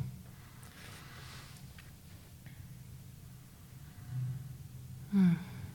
Ja, så du siger den fuldt du? Det er den ene. Mm. Men det jeg gør meget nu, det er nede omkring navlen i bunden af maven, og mærke åndedrættet dernede. Så mærk buen, der hæver sig og sænker. Mærke, hvordan at diafragma ligesom passer, trykker øh, indvoldene ned og giver plads. Hvordan det kollapser ind igen, når man slapper af. Øhm, så det sidder jeg og gør, og det gør jeg gerne øh, i kvarter, 20 minutter, et eller andet, for at opdyrke koncentration. For at blive for at man ikke får en, for at ens sind bliver mere rettet, sådan så man ikke har et sind, der bare far rundt i alle retninger. Det er rigtig godt at starte med åndedrætsmeditation, for simpelthen at få skærpet sin koncentration. Og det er det noget, de har gjort i alle mulige traditioner gennem tiden. Det er også det, man gør med et mantra. Det er også det, man gør ved at sidde og meditere, ved at kigge ind i et lys, eller ved at rulle sine bedekugler. Det er egentlig, at man prøver at lade opmærksomheden fokusere sig ind på en ting, så vi bliver mere koncentreret og der finder vi også ro. Og så efter det, så åbner jeg op, og så begynder jeg bare at lægge mærke til ligesom at åbne bevidstheden, og så bare modtage, hvad der kommer. Så det kan være, der kommer en tanke, eller en følelse i kroppen, eller en lyd, og så bliver jeg med det, der opstår, og bare observerer, hvordan det forandrer sig. Og så, så forsvinder det væk, og så er jeg opmærksom på noget andet. Og så observerer jeg, hvordan det opstår, forandrer sig og forsvinder væk. Så, så det, er, bare, det er selve meditationen? Ja, og det er, det er vipassana. Det er Vipassana meditation. Vipassana, ja. basically. Ja. Øhm, og der kan man bruge notering, så man kan sige, det er bare en tanke, eller det er bare en ja. følelse, eller hvad det nu kan være. Mm. Så observerer man den og er med den. Ikke skubber den væk, ikke prøver at trække den tættere på. Altså, det, jeg prøvede faktisk den anden dag sådan en ja. guided meditation, hvor man skulle skrive ned mm. øh, planer, mm. fremtiden, altså mm. kategorisere de her mm. forskellige ting, der opstår. Men jeg lavede jo ikke andet end at sidde der med bogen. Nej. Så til sidst var jeg sådan, nej, det gider jeg ikke. Nu, nu sidder jeg bare stillhed, fordi det blev ved med at komme ud i sindet. Ja, det er jo det, der gør. Og det er derfor, jeg tror, altså jeg tror, når man kommer lidt længere frem i meditation, for det første tror jeg, det her med, apropos vidensformer, ja. Hvis vi sidder og skal skrive ned, imens vi mediterer, så vil vi meget hurtigt komme til at ryge over i en meget mere propositionel, kognitiv, ja. fortolkende. Ja, hun sagde godt, at man skulle sådan have lidt, lidt altså, hvis man kunne med lukkede øjne skrive det, ja, ville det være ja. bedst, sagde hun godt. Ikke? Men man kan for eksempel bare sige, i stedet for sådan at udspecificere kategorisk, hvad er det for en type tanke, jeg sidder med, ja. så bare sige, altså fordi indholdet i denne, det der er meningen her, det er, at vi skal komme ud over indholdet. Mm. Fordi indholdet er det, der fanger os. Ja. Fortællingerne om, hvem vi er, eller hvad der er galt med os, eller verden, eller vurderingerne og fortolkningerne. Og det er fint til rigtig mange ting, men når vi sidder og laver vi passende meditation, for eksempel, eller indsigts, altså for, forskellige buddhistiske praksiser, så er formen ligegyldig. Mm. Så i stedet for at lægge mærke til, hvad der er, er i formen, så bare lægge mærke til, at der er en tanke. Ja. Hvad, hvad, der er, hvad indholdet af den er ligegyldigt. Mm. Det kan være, at det er selvhed. Det kan være, at det er, at du synes, at du er den fedeste. Ligegyldigt. Mm. Det er bare tanker. Mm. Det er bare tanker. Det er det, der er meningen. Det er bare tanker. Ja. Det er bare en følelse. Okay, så det du gør her, gør du hver dag? Ja. I den her praksis, du lige har beskrevet? Ja, og så gør jeg, og det er faktisk, det passer ikke helt. Det er det, jeg laver lige nu. Ja. Jeg, jeg har lavet meget sådan noget øh, mere sarsen hvor jeg faktisk bare satte mig og bare observerede, hvordan det er at være mig, der sidder der. Mm. Med, med øh, åndedrættet som en form for anker, man kan falde tilbage ind i. Og så den sidste ting, jeg laver faktisk, inden jeg slutter mm. af, det er, at jeg tager 10 minutter med øh, meta, eller kærlig venlighed. Okay. Øh, så hvor du ønsker, både for andre og for dig selv? Ja. Og så der øh, handler det egentlig om at vi kontakter tit øh, bryst, hjerteområde, midten af brystet, og start, tager udgangspunkt i det. Og så øh, inviterer jeg en person op, og jeg er ikke så vildt god visuelt, så tit så kan jeg ikke se folk sådan tydeligt, ja. men jeg kan fornemme dem i brystet. Ja. Og så begynder man bare med intention om kærlig venlighed. Mm. At sige ord, sætninger. Må du være lykkelig. Mm. Må du være fri for lidelse. Må du leve i kærlighed og i fred. Og det gør jeg for en person, og så tager jeg nogle andre, nogle jeg har det svært ved. Måske Putin. Ja. Ham har jeg lavet en del kærlig venlighed på. Øhm, ja. Ja, så, så man starter med, det er nemt ligesom at sende ja. kærlig venlighed. Mm. Loving kindness, ikke? Loving kindness. Og så avancerer man til en, som man måske har et problem med. Ja. Og så er det også til en selv, jo. Ja. Ja. Og det til en selv, det er sjovt, det er faktisk noget, det vi har virkelig svært ved her i, øh, i Vesten, mange af os. Fordi vi netop har internaliseret, vi har kraftige over-jeg med sådan en mm. frøjsprog, ikke? Vi har internaliseret ja. kulturens og forældrenes kritiske stemme ret meget, så vi er ikke mm. helt, vi er ikke helt øh, værdige for ubetinget kærlig venlighed. Mm. Øh, men det man kan gøre, det er, at man kan, hvis man vil lave den her type meditation, det er vildt, vildt helende, det er at finde ud af, prøve lige at reflektere over, hvad for en, en del af os selv, vi rent faktisk kan have det sådan overfor. Det kan være, det er et indre barn. Det kan være, at det er os selv. Vi har et billede af os selv fra en eller anden gang, vi var på stranden, og løb rundt i bare numser, og mm. øh, var tre år gamle, og øh, bare leget i sand. Og, Man kan se vores uskyld der. Uskylden, lige mm. præcis. Og der er i hvert fald noget, der øh, er værdigt og kærligt vennet, og så kan mm. vi starte der. Mm. Right. Og, øh, det er jo... Ja, det er meget fascineret. Mm. Er der? Ja, Og dine øh, ritualer der. Mm. Altså, fordi det er jo det største nu sagde du før, at det måske ikke var et opgør, men sådan det med at præsentere en anden vej, repræsentere en anden vej, end det etablerede. Det, det største, man kan gøre, det er jo ved at indrette sit liv efter det, så det ikke bare er juleønsk. Mm. At jeg havde de der timer om morgenen, men jeg er nødt til at drøne afsted på arbejde. Men faktisk at sige, men det her, det er vigtigere for mig, end hvis jeg skulle passe ind. Fordi hvordan ville det være for dig, hvis du skulle være kl. 8 på en fast arbejdsplads hver dag, for eksempel. Så vil jeg nok stå op og meditere min halve time alligevel inden. Så du bare kun tage en halv time? Ja, det gør jeg stadig. De fleste morgener, når jeg skal tidligt op, så okay. er det en halv time om morgenen, men så ja. tager jeg måske en time okay, senere Så det kan man sagtens? Man kan sagtens indrette til? Jeg tror, det er virkelig, virkelig mm. vigtigt, at man igen opmærksom på, hvad foregår der i dig, hvad mm. du brug for, hvad virker. Ja. Det fungerer ikke for dig at sætte dig om morgenen, inden at du har fået din morgenkaffe. Så mm. tag din morgenkaffe, ja. og så sæt dig. Ja. Eller fungerer det bedst for dig om eftermiddagen? 10 minutter, altså hvis man er på et arbejde, og det fungerer bedst om eftermiddagen, lad som om, du skal ud og skide, eller et eller andet, gå på toilettet og sæt dig og træk vejret. Altså, jeg mener bare, ja. vær opmærksom på, hvordan at du kan få det til at passe ind i din hverdag. Men det er jeg fuldstændig enig mm. Og det håber jeg, at lytterne altid tager med sig, det okay, hvad kan jeg bruge ind i mit? Men jeg synes også, det, at der er noget fint ved at sige, at du faktisk gør det mere ekstremt. Mm. Altså ja. lever det ud. Ja. Har du, øh, har du tænkt på at blive munk? Ja, for satan. Ja, det har jeg. Det har jeg. Det skal jeg ikke være. Men det er min Hvad tænkte du om det en gang? Ja, det ville være fantastisk. Mm. Og på en eller anden måde, så er der noget dybt i mig, der vil synes, at det er... Øh, mm, jeg vil ikke snakke om længsel, men sådan en følelse af, at hvis jeg gjorde det, så tror jeg også, det ville være en følelse af at komme hjem. Mm. Øh, men igen, det er jo bare eksterne rammer, så hvad, hvad betyder det? Øh, men ja, især når jeg har været på retreat, så kan jeg have den her følelse af, at jeg bare har lyst til at, at blive i stillhed og retreat meget, meget længere. Mm. Altså simpelthen bare forblive, og det er ikke fordi, det er dejligt og nemt. Altså, det er ret svært. Det er også, det er simpelt. Det er ikke nemt. Jeg tror, det er det, sådan skal siges. Det er meget simpelt bare at sidde ned og gå, lave gå meditation og spise mad og sætte sig igen og sove og bare køre. Men øh, der er et eller andet i det, som bare føles ja, simpelt og, og fristillende. At man bare at det eneste, du prøver på, det er at være nærværende med alt, hvad der er. Din egen kedsomhed og smerten i knæene og øh, at der er nogen, der ser lidt irriterende ud, eller der er en, der sidder og bøvser, imens de mediterer, eller ej, hold kæft, hvor han gaber ham derovre, eller øh, hvad det nu kan være. Eller, wow, hvor flot. Og se den blomst, og hvor man før vil blive uopmærksom på, hvor smuk blomsten er, eller øh, fare ud af sig selv og sige, hallo, Anders, prøv lige at se den her blomst. Så, så, så er man bare med blomsten. Og det kan være ret rart. Og det der er nærvær. Så på den måde, så jo. Ej, ej, ej, det er så, du må ikke stoppe. Nej, Okay. Det der er mega spændende. Ja. Så bare at være med det frem for at skulle fortælle det til nogen. ja, bare være med ting. Altså, hvad det er, der det er også mange af os, der har gode fået eller den, fået den der vane, men der er altså, man har lyst til at dele det. Også, jamen også det dårlige, ikke? Jeg skal lige ringe til en og fortælle. Og det er jo også dejligt. Og det, er det, og det er en af grundene til, at jeg så tænker, at jeg i hvert fald ikke skal være munk. Fordi det her, lige præcis det, du beskriver, det er jo en del af det at være menneske. Det har du også brug for. Ja, for, ja, for pokker. Ja. Og det er, jo, det, jeg vil sige, det er jo nemt at sidde og være nærværende, hvis du mediterer øh, 12 timer om dagen. Altså, så, så, eller nemt. Du ved, det, det er ude i det her liv. Det er der, det er en udfordring. Ja, Og det, jeg tænker, det er der arbejdet skal gøres på en eller anden måde. Det er sådan, at det, i hvert fald sådan, jeg oplever det. jo. jo. Så øh, nej, jeg tror ikke, jeg skal være munk.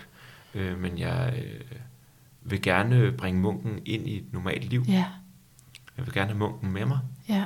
som jeg vil have alle mulige andre med mig. De er legebarnet og alle mulige. Men, øh, men munken skal også have lov til at være med i en moderne verden. Og den er på en eller anden måde blevet kultiveret igennem øh, i, i de her ungdomsår, hvor du selv har kunnet træffe nogle valg, der har gået ud over det, dine forældre og dit miljø har truffet for dig. Så er det det her, der er kommet frem særligt, ikke? Det er den her side, det er den her kapacitet eller livsstil, der er kommet frem. Ja, den. Men det er jo en ting. Det er jo den der, der bare godt kunne tænke sig at være nærværende med forskellige ting, der sker. Og, og det er en. Ja, hvad er der mere? Men så er der jo også, der er jo, en anden ting er jo også, lige nu siger du det der med, med skolen, ikke? Ja, Og, og, og, det er, og begge dele, tror jeg, er noget, der altid har været med mig. men tror du ikke, det hænger sammen? Fordi det, er jo net, det kræver jo netop et ret vågent øje at se, hvad er det, der vi bare får ind kulturelt, Jo, og hvad har vi faktisk øh, et valg omkring? Ja, men jeg tror, munken har ikke noget behov for, en munken har ikke behov for at tale om de ting her. Nej, nej, så på den så- måde er det to dele, ja, Ja, ja, ja. men det supplerer hinanden ret godt, fordi Ja. du har nærværet til det. Det kunne man sige. De supplerer hinanden meget godt. Det føles altså som om, der er et, øh, lige der, der er sgu et meget godt ændret samarbejde. Ja. Lige der, der Lige går det der. meget godt. øh, men, øh, men ja, der, det er i hvert fald det der munketing, der det er virkelig... Og, og, og, det, og det trækker rødder helt tilbage til min barndom, og det er også noget, der er fascinerende, når man starter på sådan noget, at øh, meditation og sådan, at det sjove er, at det føles ikke fremmed. Det føles så velkendt. Ja. Øh, Jamen- ja. Ja. Jeg ved ikke, om folk bliver trætte af at høre på min astrologi. Nej, det er da, altså, det ved jeg ikke. Jeg tænker slet ikke over, at der er andre, der lytter med. Nej, nej, det er bare os, Alex. Nej, men det var det her 12. hus, ikke også? Ja. Som er så stort hos dig, ikke? Og det, så vi har været inde på et- et par dele af, af symbolikken. Øh, men, men når vi sætter det sammen med tidligere liv, og det går til, tilbage til tidligere liv, fordi du også har herskeren der over dit sydlige måneknude, og Pluto er der, så, øh, så vil det jo være, en, at, det typisk har noget at gøre med den symbolik, som øh, et kloster vil være. Så det er ikke nødvendigvis et kloster, men det er Nej. lige mit ord for det. Yes. En klostertilværelse. Ja. Det synes jeg, jeg har mange, på mange tidspunkter af dagen. Fordi du ved, der har du både stillheden, du har, mm. der har du så nogle andre, der laver de faste rammer for dig, ikke også? Så det kan jo også give en person, som har det svært ved at finde dem øhm, i det her liv, fordi de blev lavet for en. Mm. Og så er der, der er behovet for stillheden, der, er- der er hele at være vant til det, og så er der jo også den her lidelsesdel, altså det her med, at man, øh, man gør jo rigtig mange ting af service. Ja, så hvor ligger det hen? Ligger det Det, simpelthen det, det er altså mit 12 hus, okay. jeg siger nu. Ja. Okay. Ja, så jeg kan bare genkende mig selv ret meget i det. Eller sådan. ja. Det er... Øh, ja, det giver bare virkelig, virkelig god mening for mig. Jeg tror, at... Øh, jeg tror, det her med, med, med øh, kloster... Jeg tror, klosteret, det flytter... Og det, jeg tror, vi kan få det til at flytte ind. Alle mulige, det kan også være legepladsen. Mm. Kan alle mulige symbolske kontekster, mm. som vi kan... Vi behøver ikke at have en konkret legeplads. Øh, måske kan det blive lidt legepladset, eller lidt klostret. Mm. Øh, og måske kan man bare finde et tidspunkt på dagen, der er lidt klostret. Ja. Eller det er et Ja. mærkeligt ord. Ja. Øh, eller hvor man er lidt munket. ja, fordi det er derfor, vi er her jo, ikke? Ja. Altså, ja. det var Kan du ikke sætte det der 12. hus, vil du lige sætte, altså, kan du forklare det? Fordi der, der er et eller andet, jeg forstår ikke helt, jeg forstår, hvad det er, du siger til mig, kan jeg mærke. Og samtidig så er der et eller andet, der sker, der sker et eller andet, hvor jeg sådan, Ja. ja. jeg er mega nysgerrig. Ja. Ja, altså 12. hus er alt det, som ikke er i den her verden. Mm. Og når vi ser det i forbindelse med symbolikken for tidligere liv, Mm. så øh, er det, så er det den form for tidligere liv, den, man har haft. Og det er jo ikke sådan bare dit, altså det er jo kun et tidligere liv, er som summen af, Ja. af, af flere livstider, som højst sandsynligt har, har foregået der. Altså, men, men det er jo også et symbolik. Du ved jo selv meget om symboler. Det er faktisk noget, jeg rigtig gerne lige vil tale med dig om, som, Mm. måske som det sidste her. Øh, men, men du ved, så der ligger forskellige i det, så det kan både være, den her del det kunne også være et fængsel. Altså du ved, det er det der med, altså der er nogle, nogle helt faste strukturer, der er lukket ned fra for, for omverdenen også, ikke? Og der er nogle ting, du skal. Og, øh, men, men altså, Så det er ligesom, ja.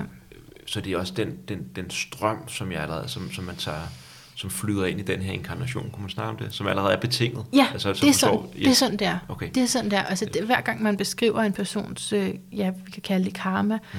eller tidligere liv, så vil man kunne genkende det meget dybt. Ikke nødvendigvis lige det billede, jeg sætter på det, med, med for eksempel med kloster, men så med, den, med det, det dækker over. Men det giver så, altså, men Ja. det, er meget, det er ikke fordi, Ja. jeg vil gå for meget ind i tidligere liv, Mhm. men det er lige Ja. præcis noget, det jeg har stiftet bekendtskab med. Ja, Og jeg faktisk allerede gjorde i barndommen, men ikke rigtig fattede, hvad, øh, hvad det indebar, mm. de oplevelser, jeg havde. Øhm, og noget af det, det er, det er noget med, med kloster. Mm. Det ligger langt tilbage snart. ja. Men, øh, men jeg tror også, at den der følelse af, når jeg så sidder i silent retreat, at jeg føler, at jeg er tæt på hjem. Jeg Ja. føler, at jeg er meget tæt på at være hjemme, fordi at, øh, der er noget, der føles så velkendt ja. ved, ved den måde at være til stede i verden på. Og kan vide, hvad der så skete, så vil man gå ned og det godt skal vide, hvad der så skete, fordi du har den sydlige, måneknude der i tvilling, så, så kan vide, om, om du skulle studere øh, til præst eller sådan noget, og lige pludselig komme i kontakt med en hel masse forskellige retninger. Og måske bragte du sådan en, en lidt tabu-sandhed til bordet, og måske blev du straffet for det. Nu sagde du faktisk lidelse tidligere. Ja, Og noget af det, som jeg ved, eller det som jeg ved ikke, om det er, om det er konkrete tidligere liv, eller om det er symbolsk, og for mig er det faktisk super ligegyldigt. Fordi værdien af det sådan rent for mig lige nu her, ja, er den samme. Men øh, der handler det noget om at have været munk, øh, og så faktisk valgt at det, man skulle, det, jeg skulle lære. Jeg skulle studere, men jeg skulle studere det at være almindeligt menneske, ah, øh, og, øh, og lide. Jeg skulle lære af lidelsen. Okay. Det er i hvert fald sådan, som det er blevet repræsenteret. Ah, det giver da rigtig god mening. Øhm, så øh, jeg tror også, det, der er sådan lidt, wow. det er derfor, jeg er sådan lidt fascineret af lidelse. Det er jo vildt nok, ikke også? At du har den øh, bevidsthed med dig, eller forestilling, mm. eller det er noget, du, Ja. du, du leger med den Ja. idé, ikke også? Og Ja. det giver jo et stærkere formål, og et stærkere sådan, okay, nu forstår jeg min Det- dragning i det her liv. Det er i hvert fald sjovt at lege med. Ja. Og det, så er det ikke, altså Ja, jo, vi- jo, vi en gang imellem, så er men- det vildt sjovt at tage seriøst ja. på sådan et plan, at øh, jeg er øh, en eller anden, øh, i min bevidsthedsstrøm, den var engang i en tibetansk munk for 600 år siden, der valgte at dykke ned i Europa og lide en masse. Ja. Og det er fint. Øh, det, er meget, det kan være meget underholdende og virkelig tage det seriøst, og så andre gange, så er det bare, øh, for det meste, tænker jeg, det var så ikke noget, jeg tænker over. Nej, Øhm, er men, det, men det, er bare, det er ret sjovt, hvordan at det så nogle af de ting, du har sagt, faktisk passer, taler meget godt ind i det, jeg også selv, Altså, ja, de fantasier, jeg selv går og leger med. ja, og jeg er jo slet ikke i tvivl om, at vi er betinget af noget som mennesker.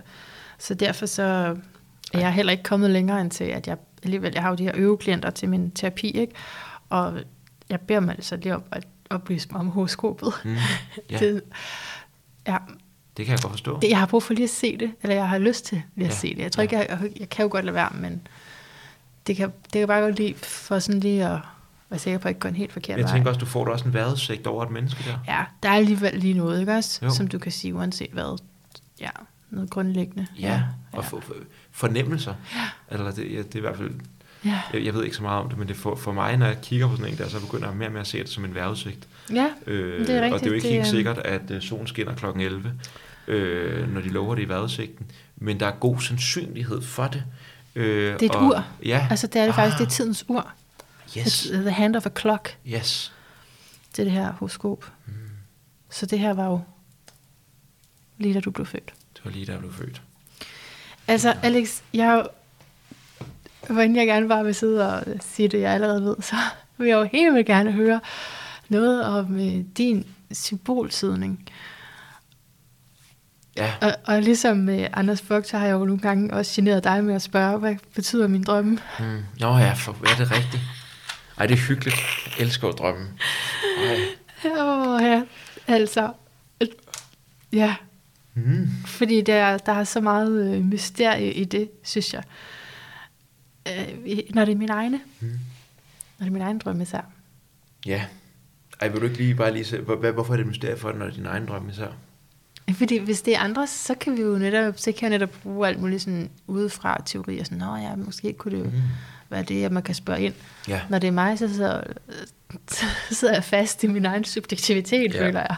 Så jeg, det gør helt vildt godt lige at få et spørgsmål udefra. Mm. Det kunne jeg godt tænke mig, at jeg kunne få på Jukebox. Altså sådan, altså der er alligevel nogen, der kunne stille mig et par spørgsmål Ja. til, fordi så er det som om, det åbner sig mere. hjælpe dig med at åbne Ja. ja. symboler. Ja. Hvordan har det åbnet sig for dig i symbolverdenen? Hvornår skete det? Hvordan skete det? Jeg skulle ikke engang, det åbnet sig endnu. Eller jo, det Hvad? på, det. Du er mega, du er mega nørdet med det.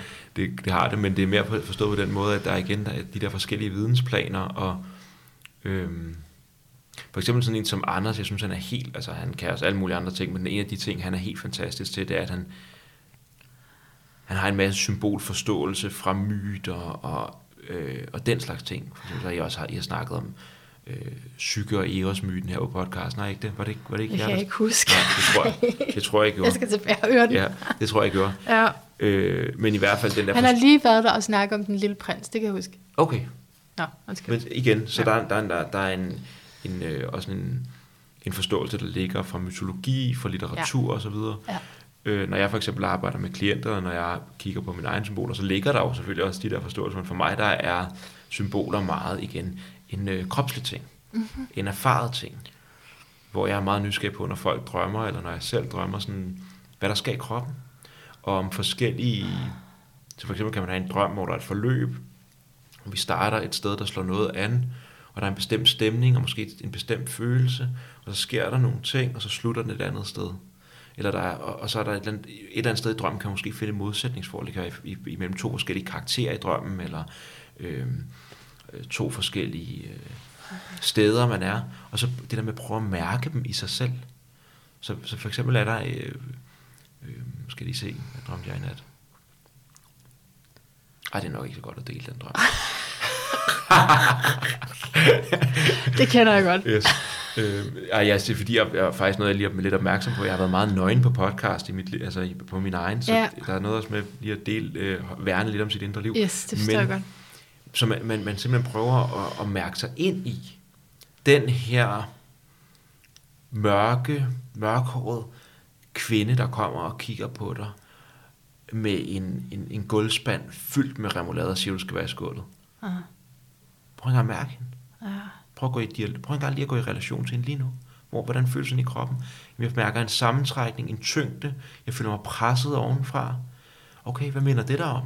Jamen, det minder mig om øh, alle de gange, hvor min, øh, det ved jeg ikke, min mor sagde, at det her det er bare et, et, eller andet et, eksempel, jeg ud i luften. Ikke? Alle de gange, min mor sagde til mig, at jeg skulle ordne noget, men det ikke gav mening for mig, men jeg alligevel gjorde det, for jeg var bange for øh, at få skæld ud. Og så føles det faktisk som om, at jeg øh, vasker gulvet i remoulade. Det bliver pisse beskidt, det giver ikke mening, men mor siger det med en stramme hestehale. Hvad det nu kan være. Så det meget mere bliver, øh, at det starter med den kropslige forankring i, hvordan, fordi jeg ser lidt symbolerne på, eller drømmen som værende øh, oversættelses, et forsøg af sjælen på at oversætte det, der sker i vores, hvis vi skal bruge det ord, vores nervesystem eller vores krop, de erfaringer, som der ligger i kroppen, som vi ikke kan forstå endnu, at der bliver dannet billeder, som Så giver os. synes jeg, sjælen prøver at oversætte Mm. fra nervesystemet. Ja, eller for kroppen. Kunne vi også bare Sjælen prøver at oversætte For kroppen. fra kroppen til hovedet. Yes. Eller til vores kognitive fakultet. Ja, Ja. Og det gør vi igennem billeder. Jeg tror, det er symboler faktisk langt hen ad vejen. Og billeder. Billeddannelse. Imagination, hvis man må kalde det det. Forestillingsevnen og drømmen, det er det, de gør. Jeg havde, jeg havde en drøm her den anden dag, hvor at jeg, øh, jeg, har været, jeg har haft meget travlt på det seneste. Øh, og øh, synes egentlig, at det kører meget godt. Men jeg kan godt mærke, at jeg er travlt. Mm. Og så drømmer jeg, at øh, der er nogle ting før i drømmen, men jeg sætter mig ud i en rigtig lækker bil. Rigtig fin bil, ikke? Altså et eller andet sådan sportsvognsting, high-tech. Det er en fed bil. Øh, gutterne de sidder med, det er mig, der kører bilen. Jeg kører øh, mod Lyon. Jeg ved ikke, vi skal tilbage til det sted, vi kom fra, men jeg ved ikke, hvilken retning vi kom fra. Men min intuition siger mig, at vi skal mod Lyon. Og så ringer vi op til ham, vi skal hen til, og han siger, det er helt rigtigt.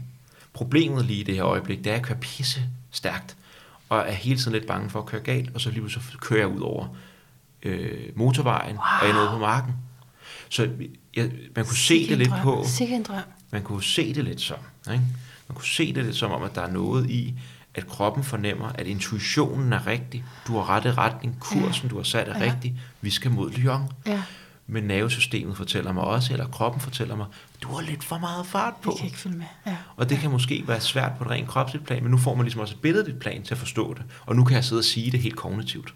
Hvordan var det at sidde i den bil der? Altså, for jeg synes, jeg, det er så vildt, når der er sådan nogle drømme, der Ja, bliver så... hvad for en, du får en fornemmelse, kan jeg mærke. Jamen, jeg synes, det er det, er det sjoveste, det, ja. når man drømmer noget, der heldigvis ikke er virkeligt. Ja. Ja, det, ja. Ja. Altså sådan noget ret... Øh. Øh. Ja, og man mister sine tænder eller sådan noget. Ja, Jeg var meget glad for, at det ikke skete i virkeligheden. Men det var da Hvordan var det at sidde der og køre ud over kanten? altså det, var- det, følelsen af at køre for stærkt og ikke at have styr på, på sin bil, er meget ubehagelig. Ja. Øh, en følelse, jeg nærmest kun kender fra drømmen. Og sådan virkelig føle, at jeg virkelig ikke er i kontrol over den der bil der. Øh, så det var da ikke rart. Øh, men det sjove er, at dagen efter, der er, ligesom om, der går det lige virkelig op for mig, okay, du er lidt småstresset, Alex. Du er lidt småstresset, du har lidt for meget fart på. Ja. Det betyder ikke, at du skal stoppe helt.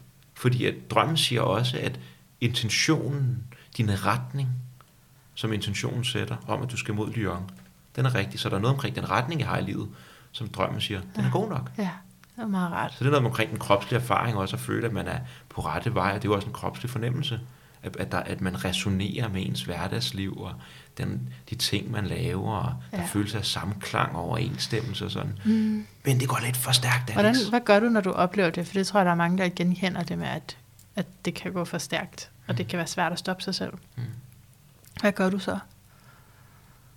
Prøver at stoppe mig selv. Og ellers så en gang, imellem, hvis jeg ikke kan det.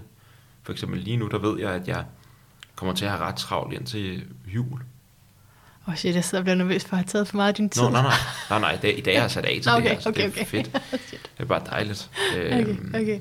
Du får travlt ind til jul, ja. Ja, eller at der er bare noget at se til. Ja.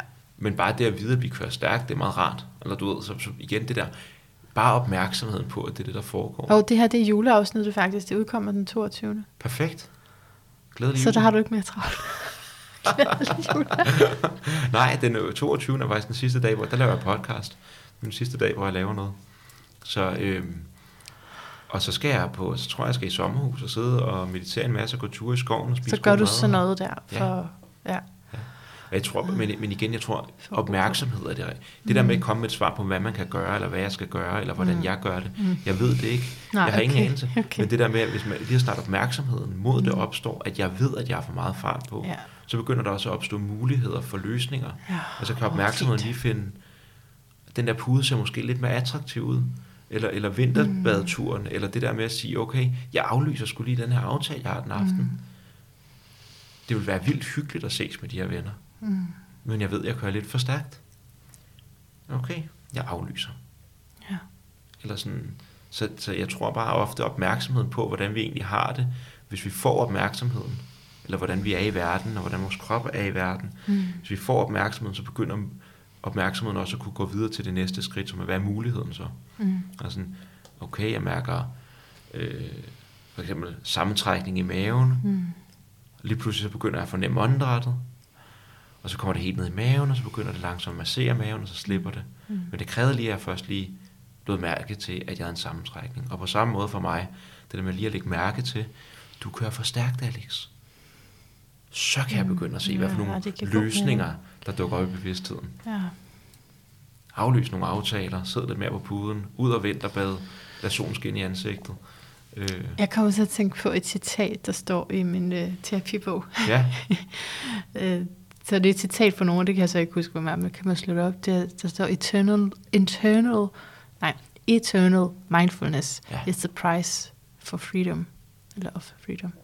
Altså, Ja. ikke? så ja. være frihed, så er nødt til at være evigt mindful over, hvad der er, der foregår. det er hele ideen i buddhismen. Ja. Så ideen er, at hvis vi virkelig bliver fordybet nærværende, og ser foranderligheden, ser, ser det, som man kalder for de tre karakteristika af fænomener, hvis vi ser dem, så, øh,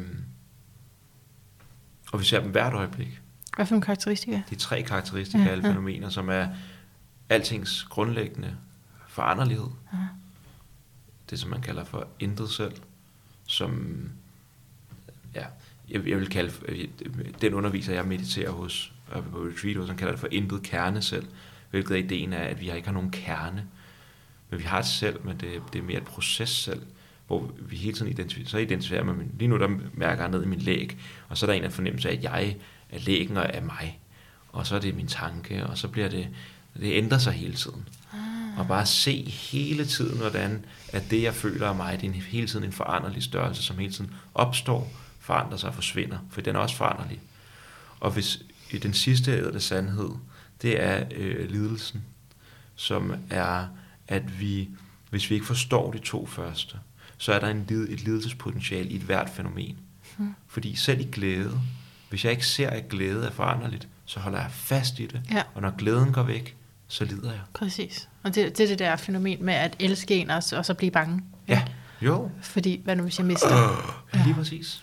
Så øh, og, og, og at se de tre karakteristika, det er grundlæggende, det er målet ved mindfulness, sådan som jeg forstår mindfulness. Jeg er lidt, de der, det er jo også en, en ting, der er blevet trukket ud af buddhismen. Men det er for- fordybet nærvær med tingene, som de virkelig er. Og hvis det. vi er det i hvert øjeblik, så er vi frie. Det Fordi det. hvis vi Mm. ser det her, så lider vi ikke. Så der er ikke dukkha. Så det er det, man kalder for anicca, foranderlighed, anatta, intet kerne selv, og dukkha, at der er lidelsespotentiale. Mm. Øh, så det giver rigtig god mening. Alex, det går op for mig, at jeg øh, har glemt at introducere dig. Nå, for. Det er meget godt at Ej, gøre på du, ikke, du, der var den forbudte skoleintroduktion. Og hvis jeg tænker på, det kunne godt være, at der er nogen, der ikke sådan lige helt styr på, hvad du ellers laver ud over en podcast. Ja, Du er også terapeut. ja. ja. Jeg er faktisk psykoterapeut, studerende, hvis man skal være helt rigtig. Og det er det her jungianske. Nej, det, det er Vedfeldt Ja. terapi, som er den kybernetiske psykologi, som Ja. er udviklet af Ole Vedfeldt. Bliver du træt nu, når du skal tale og, om øh, det? Nej, Nå, det alene, okay. jeg tror, jeg, jeg faldt, blev lige tung. Ja, Jeg blev lige tung. Men det er jo nok mere, fordi det, det er jo mere sådan en, det er sådan en meget praktisk ting, ikke? Så laver jeg det og det og det. jo, men grunden til at tænke på det, det er fordi, at netop den sydlige mundknude der i tvilling, det er jo også at kunne teorien. Mm. Og du, du kan jo, altså det der, du lige beskrev, så altså, du er jo ikke kun intuitivt, det er der jo ikke nogen af os, der kun intuitivt kan være i noget. Der er også den, det er også, altså have det her teoretiske fundament, gør Helt nogle sikkert. ting mulige, ikke? Jo. Så det er faktisk derfor, jeg lige kom til at tænke på, og måske at fortælle om din teoretiske baggrund. Ja, altså det meste af det er selvlært. Altså jeg studerer på, altså, så jeg, jeg, jeg, jeg studerer på Vedfeldt Instituttet. Ja. Øhm, og på anden år, men jeg blev som følger af podcasten, blev jeg spurgt af en øh, psykolog, Anders Tingmann, der har været på podcasten en gang, om jeg ikke bare skulle til at komme i gang med at lave terapi. Mm. Fordi jeg blandt andet har psykedeliske erfaringer og kan arbejde lidt ind i den her integrativt, altså med at få integreret psykedeliske oplevelser. Mm. Og det er der ikke særlig mange, der gør. Det var der i hvert fald ikke på det tidspunkt. Det, er der, det ser anderledes ud i dag. Så jeg startede faktisk først på et psykoterapeutstudie, så jeg betragter mig langt hen ad vejen som psykoterapeut, velvidende af, at jeg er studerende, så det er meget vigtigt at sige. Mm. Jeg studerer på Vedfeldt, som er en integrativ model. Øhm, og det, det, det, det er en podcast i sig selv. Mm, det er Mm, virkelig hvad det spændende, er. Ja. virkelig Mm, spændende øh, teori Okay. og måde at betragte mennesket på og menneskelig udvikling. Øh, men det har blandt andet meget det jungianske i sig. Mm. Fordi Ole, han er jungianer, Mm. blandt andet. Har været i Zürich og fået supervision og ja, været inde i den der cirkel, som var tæt på Jung. Okay. Øh, eller faktisk Jungs efterfølger. En af hans bedste elever, Marie-Louise von Franz. Fantastisk. Hvis man skal hvis man dykker ned i eventyrs symboler, så er hun ret vild. Okay. Øhm, og så øh, læser jeg filosofi og psykologi på RUK. En kandidat, som har taget mig lang tid, fordi jeg har gang i alle mulige ting. Som jeg har brugt på at undersøge mine egne de ting, jeg synes. At lige nu der skriver jeg om hjertet, hvilket er til stor frustration for øh, min vejleder. Og, fordi hvad fanden er det for noget? Hvad er det? Hjertet er en pumpe, eller noget med følelser, men det er ikke det, jeg mener. Er det rigtigt? Selv når man læser psykologi og filosofi, kan man så ikke? Fordi jeg synes jo netop, hjertet er noget af det, der sådan går på tværs. Ja, det er måske meget filosofisk, men vi har ikke særlig meget et hjerte. Vores psykologi er jo langt hen ad vejen meget kropsforladt, kunne Men man sige. okay, fordi helt tilbage, da vi startede med at snakke sammen, i, altså i dag, mm. tidligere i dag, der, der sagde du også, at det var tabu at gå til psykolog mm. på det tidspunkt, hvor du startede, og du vidste heller ikke forskellen på psykolog og terapi. Mm. Og jeg tror, når jeg siger det med, at der, er en, at der går noget igennem mm. psykologien, så mener jeg egentlig psykoterapien Mm. nok. Yes, ja, det er nok, Ja, ja. det er der, Yes. at man finder det om hjertet. Enig. Så, så men det har også virkelig mixet sig sammen for mig. ja. Det Det får du der- ikke særlig meget af. Du, Men også hvis der er nogle psykologer, som så tager en efteruddannelse, så, så er det svært at vide øh, forskellen helt. Ja, ja det, det, ved du hvad, lige præcis det der, det er mig en, en... Jeg kan mærke, at det er noget virkelig vigtigt at få noget mere klarhed omkring. Fordi det er super svært, især for mennesker, som ikke er inde i det terapeutiske felt, eller inde i selvudvikling, som de pludselig får behov for at opsøge en psykolog eller en terapeut, eller arbejde med dem selv. Der er det en jungle, fordi der er så meget forståelse, vi ikke har, og vi tænker bare, når man har et stemplet psykolog, jamen så er du en, der kan hjælpe, men hvad for en måde arbejder du terapeutisk på? det, det er vel det, det kommer an på, hvad er din tilgang, hvordan er du med mennesker, og alle sådan nogle ting. Og i hvert fald ude på RUK, der er det ikke sådan, at vi har et kursus, øh, eller lad os sige sådan, kroppen er ikke særlig meget en del af den Ej. vestlige moderne psykologi. Hvor er det vildt, at det stadig er sådan. Altså, det bliver mere og mere, og kognitionspsykologien begynder også, eller hej, der er sådan noget, der hedder øhm, for i cognitive science, hvor den, det er en ny form for kognitionspsykologi, hvor at kognition ikke kun er noget, der er oppe i hovedet, men det er også noget, der er enacted, embodied og embedded i en bestemt kontekst. Så det faktisk er noget, der er meget mere øh, læmeligt gjort, kropsligt gjort. Okay. Øh, så det sker, men ude på RUG, der er det, der er det faktisk sjovt, at øh, det er mere filosofien, der kan takle spørgsmålet om kroppen. Hmm. Af, øh, den oplevede krop. Okay. Snak- Det er sådan, når jeg snakker om hjertet om kroppen, så mener jeg den oplevede, erfarede krop. Ja, Ikke, ikke den, vi måler og vejer. altså sådan fænomenologisk Ja, oplevet. ja. Ligesom når du mærker spændingen nede i maven. Ja, Det er jo interessant. ja. Det er jo, en- det er jo, det er jo en psykologisk krop. Og det, det, det er noget af det, som jeg tænker, at dem, der er bedst til det, den fænomenologiske eller psykologiske krop, det er Østen. Og en rigtig god model for det, som er blevet lidt upuhu, øh, spirituelagtig, det er chakra-modellen. Chakra-modellen er helt fantastisk, fordi vi alle sammen har oplevelsen af sådan en subtil krop, en krop, hvor vores følelser er indlejret, og sådan en, en form for krop, der afstemmer sig med den kontekst, den er i, på forskellige niveauer. Så når, når man tager sig, når der sidder en foran en, og personen tager sig til hjertet, så helt intuitivt, så fornemmer vi, at det her, det kommer måske fra et meget, meget dybt, dybt sted i mennesket, måske et autentisk sted i mennesket, måske mm. et sted, der er sårbart. Ikke? Hvis, det, hvis, man, hvis man sidder og tager sig til hovedet, mm. så ej, der er godt nok, der er måske lidt forvirring, eller jeg kan ikke lige regne den ud. Sådan så vi er allerede indlejret i den der psykologiske krop, som ikke bare er en fysisk organisme, men som ligesom også er det sted, hvor vi psykologisk afstemmer os med verden og med os selv. Øh, og det mangler lidt i psykologien. Så det undersøger jeg på RUK lige nu. Og, øh, og så har jeg arbejdet på et bosted, hvor jeg ikke arbejder så meget, fordi jeg ikke har tid at lave podcast. Nej, du Der er vist også rimelig meget der. Ja. Wow. Ej, jeg fik, jeg fik lyst til at spørge dig om noget med den der psykologiske krop. Mm. Kan du klare en sidste tangent? Ja, for pokker. Ja. Det er fordi, det er også en stor del af, af min uddannelse. Vi er ikke sådan helt kommet ned i det nu til, på, på modulet, men jeg har læst om det, ikke? Altså, hvordan man også under terapien ligesom tracker den andens øh, ja, krop. Og det giver jo god mening at være meget bevidst om, og, Mm. og hvad man ser. Mm. Men øh, jeg har en personlig blokade over for det, eller sådan en Ja. øh, mistillid, fordi jeg synes, det, jeg synes, det er enormt ubehageligt, når jeg har prøvet andre at gøre det på mig. Nå, Øh. altså, så de tale sætter, Ja, og nu gør du det der. ja. Ja. ja det er også Det meget, synes det er jeg- ret intrusive. Ja, jeg kan ikke lide det, fordi for eksempel hvis jeg har håndvejr, så, så er det ikke nødvendigvis det, Hmm. som de tror. Nej. Det kan så- jeg har lyst til at lægge min hånd der. Ja, ja. Men det, men det er interessant at undersøge det. Så kan Ja. du, du, du, man kunne bede et menneske om at lægge hånden op igen og spørge, hvordan det føles. Mm. Hvordan er det? Hvad kommer du i tanke om? Ja. Ja, men der er et eller andet, hvad tænker du om det? Der, må, der er et eller andet, der har enormt modstand på, at øh, man lige skal kigge på, Nej, jeg tror, det, det, jeg tænker, at det er en meget... Øh, jeg tænker, det er en ret øh, sund sådan forsigtighed.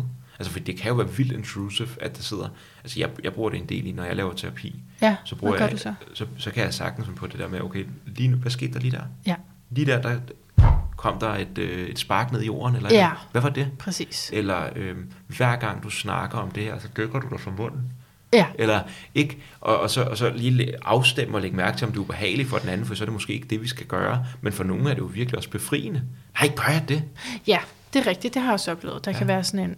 Og så kan man jo faktisk prøve noget. Det er meget sjovt. Hvis der er nogen, der for eksempel bliver ved med, når man snakker om et eller andet, at man er, nu har man haft med nogle gange, og man bliver, lægger mærke til, at de har nogle kropslige måder at ligesom øhm, at manage og, og, og holde dem selv på. Mm. Så kan man måske bede dem om at prøve at se, skal vi være lidt nysgerrige på at lade være med at gøre det?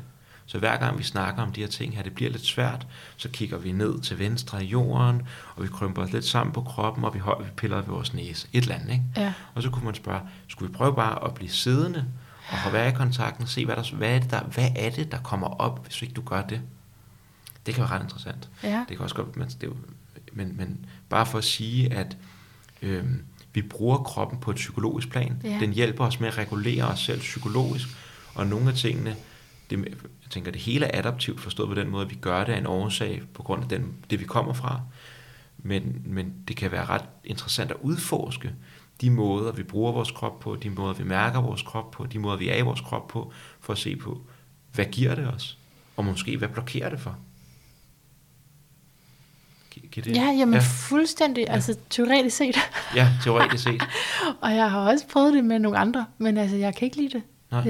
Øh, selv, så derfor bruger jeg det naturligvis ikke Så særlig du meget. kan ikke lide det, når, hvis jeg for eksempel sagde til dig, øh, hvad sker der nu, når du piller dig selv ved næsen? Det gør du hver gang, du siger det der. Så vil du tænke, åh oh, nej. Ja, eller, ja. Eller, ja, eller fordi jeg ved godt, at jeg lægger hånden på mit hjerte, så hvis du siger, åh, nu lægger du hånden på hjertet. Mm. Mm. Hvad betyder det? Så vil jeg bare det er bare fordi, jeg har hånden der. Ja, Gå lige væk. ja. Fordi det, det er min, altså jeg bruger det heller ikke, altså jeg bruger jo ikke ting med klienter, som jeg ikke selv vil Nej. kunne acceptere, så det er jo, jeg tænker, det er noget, jeg kommer til at modnes med øh, i løbet af uddannelsen. Det vigtigste Men- for mig at sige, tror jeg bare lige, mm. det er som, altså det er ikke så meget, at jeg er fokuseret på din krop. Mm. Det er mere, at jeg er fokuseret på min, altså det er jo det der med at have en, en oplevelse af sin egen psykologiske krop, af sin egen oplevede krop. Ja. Og når du siger, at du har genfundet din mave, så er det den, den, den psykologiske, eller den fænomenologiske, eller den oplevede mave, du har genfundet. Ja. Du har jo hele tiden vidst, at du har en mave, der kommer mad ned i, Jo. som for, for, altså fordøjer og gør alt muligt ting. Ja. Men oplevelsen af maven, oplevelsen af hjertet, oplevelsen af fødderne mod gulvet, åndedrættet, den kølige luft, der bevæger sig ind i næsen, alle de der ting, det er en direkte oplevet. Øhm, ja, så det er vigtigere end at tracke den anden, siger du det? Ja, eller det er i hvert fald det, den, det er i hvert fald den, der var vigtig for mig at pege på. Ja. Som værende, øh, det som man, dem, der lytter med derude, kan tage med, tror jeg, at være opmærksom på, øh, på kroppen. Ikke for at gøre den forkert eller gøre den rigtig, men bare for at se, hvordan den er. Jamen også fordi alt opstår i det relationelle felt, ikke? Mm. Så det er mellem dig og mig. Hmm. Så ja, det er eller ikke- mig og kroppen. Ja, men det, jamen, jeg kan jo ikke kun sige, at derovre sidder der et menneske, som lige nu tager sig til skulderen, mm. til hovedet. Mm. Der, er også, der er også mig her, så, så det giver mening, du siger med sådan lige vende blikket indad, og hvad gør det ved mig? Eller, altså sådan, I, I vedfældterapien, der snakker man om vikarierende introspektion. Og det kan være en rigtig, rigtig fin ting at bruge som terapeut, eller hvis vi gør det med, man kan også gøre det bare i sociale situationer, når vi sidder og snakker med vores partner, og så lige mærke indad, og lige lægge mærke til, hvad der sker i os selv. Og måske er det, vi mærker, min egen utryghed i maven. Men det kunne også godt være, på grund af, at vi kan, vi kan køre det op på et eller andet helt sådan neurologisk plan med, der er spejlneuroner Præcis. og afstemning mellem mor og barn, Ja, som er en ja. helt grundlæggende måde, vi afstemmer os igennem spejlneuroner. At, at, at vi faktisk fornemmer den anden, og Mm, derfor er i jeg. kontakt med der, en mavefornemmelse. Vi har en mavefornemmelse af, og jeg mærker, jeg, jeg, bliver sådan helt stram i halsen. Hvad sker der hos dig? ja. Det må jeg jo altså. ja, det kan jeg meget bedre lide. Ja. Hold det på, det, på Ja. dig selv. Ja, så ja. kan jeg bare sige, om du er nok forkølet. Ja. Skal vi snakke om mig nu? Ja, Hvis det var det, jeg ville, ikke ja. også? Men det kunne også godt være, at du sagde, Ej, det, det mærker, jeg, det mærker jeg ikke, men jeg har sindssygt ondt i maven. Ja, Så er det også bare åbnet op for, jamen, så var det godt nok bare mit, den der med ondt i halsen, eller en stram hals. Ja. Men det inviterer den anden op for, fordi jeg har, jeg har, jeg har mærket mig selv. Ja. Jeg har brugt opmærksomheden på at være opmærksom på min oplevelse af min krop, og jeg åbner op og bringer min krop ind i, ind i det relationelle, ind i rummet. Jeg Ja. talsætter den. Og det inviterer faktisk dig til at gøre det samme. Det inviterer dig til, du må også gerne, hvis du har lyst, Ja. mærke den i din krop. Og jeg har faktisk også lyst til, hvis du har lyst til at dele det, og høre, hvordan din krop den har det. Og så begynder krop, så er det ikke kun to hoveder, der taler med Nej. hinanden, så er det begynder to kroppe også at tale med hinanden. Det kan også være med. Ja. Ja. ja. Og det, kan gør de allerede i godt forvejen, men det bliver mere bevidst. Ja, det bliver talsat, ja. Ja. ja. Det kan jeg rigtig godt lide. Altså, for det er hele tiden om at sætte klienten fri, ikke? Jo, Sådan ikke, åh, nu har du gjort det der, nu må det betyde noget. Så bliver jeg bare sådan svær. mm. ja, Fra, altså, hvis du så siger, at du mærker et eller andet, så, så kan vi jo undersøge det Ja. på en anden måde. Og jeg tror helt, at jeg har helt sikkert kontakt med mine klienter også, øh, hvis det har sådan noget med, at, at man har svært ved at mærke fred, så kan jeg blive meget vred mm. i, i min krop, ja. ikke? Og sådan, "Åh, skal vi lige? ja så kom. Så det er jo meget interessant, hvis jeg mærker det, de ikke mærker det. Og så må man undersøge, er det mit eget, eller kunne det være også være Ja, noget, som, som de har svært ved at mærke, som så kommer over i mig. fuldstændig. Så er, er det, altså, er det, mærker du deres tilstand, eller er du i gang med at blive indlejet i sådan en overførsels, modoverførselsloop, Ja. hvor at du lige pludselig, øh, hvor klienten lige pludselig bliver din sure bedstemor, eller, ja. eller, eller hvad det nu kan være. Man må altid holde sig åben Ja, for begge muligheder. det er det. Mm. Ja, spændende. Ja, Nå, det var lige den der psykologiske krop. Nå, nu kan jeg kan snart ikke tage mere af din tid nu. Vi har aftalt de der to timer, ikke? Hvis du- hvad, altså, ja. ja. jamen, vi har jo det, der er jo det sidste spørgsmål, der hedder, hvad er din lyd af et bedre liv? Men har du et eller andet andet, som øhm, du lige sidder med her til sidst, inden du får det spørgsmål? Så vil det være godt at tale om. Hmm. Ja, jeg føler mig sgu egentlig, jeg har det meget rart, altså. Det har været, det har været mega hyggeligt. Mm. Og, øh, og det er sjovt at sidde på den her side af tingene. Og så tror jeg, at det eneste, det, jeg- det jeg vil sige, det er måske bare sådan et, lidt et, et budskab, som jeg synes, der har været rart, og det er at, at, at vores opmærksomhed er, den, er nærmest den største superkraft, vi har.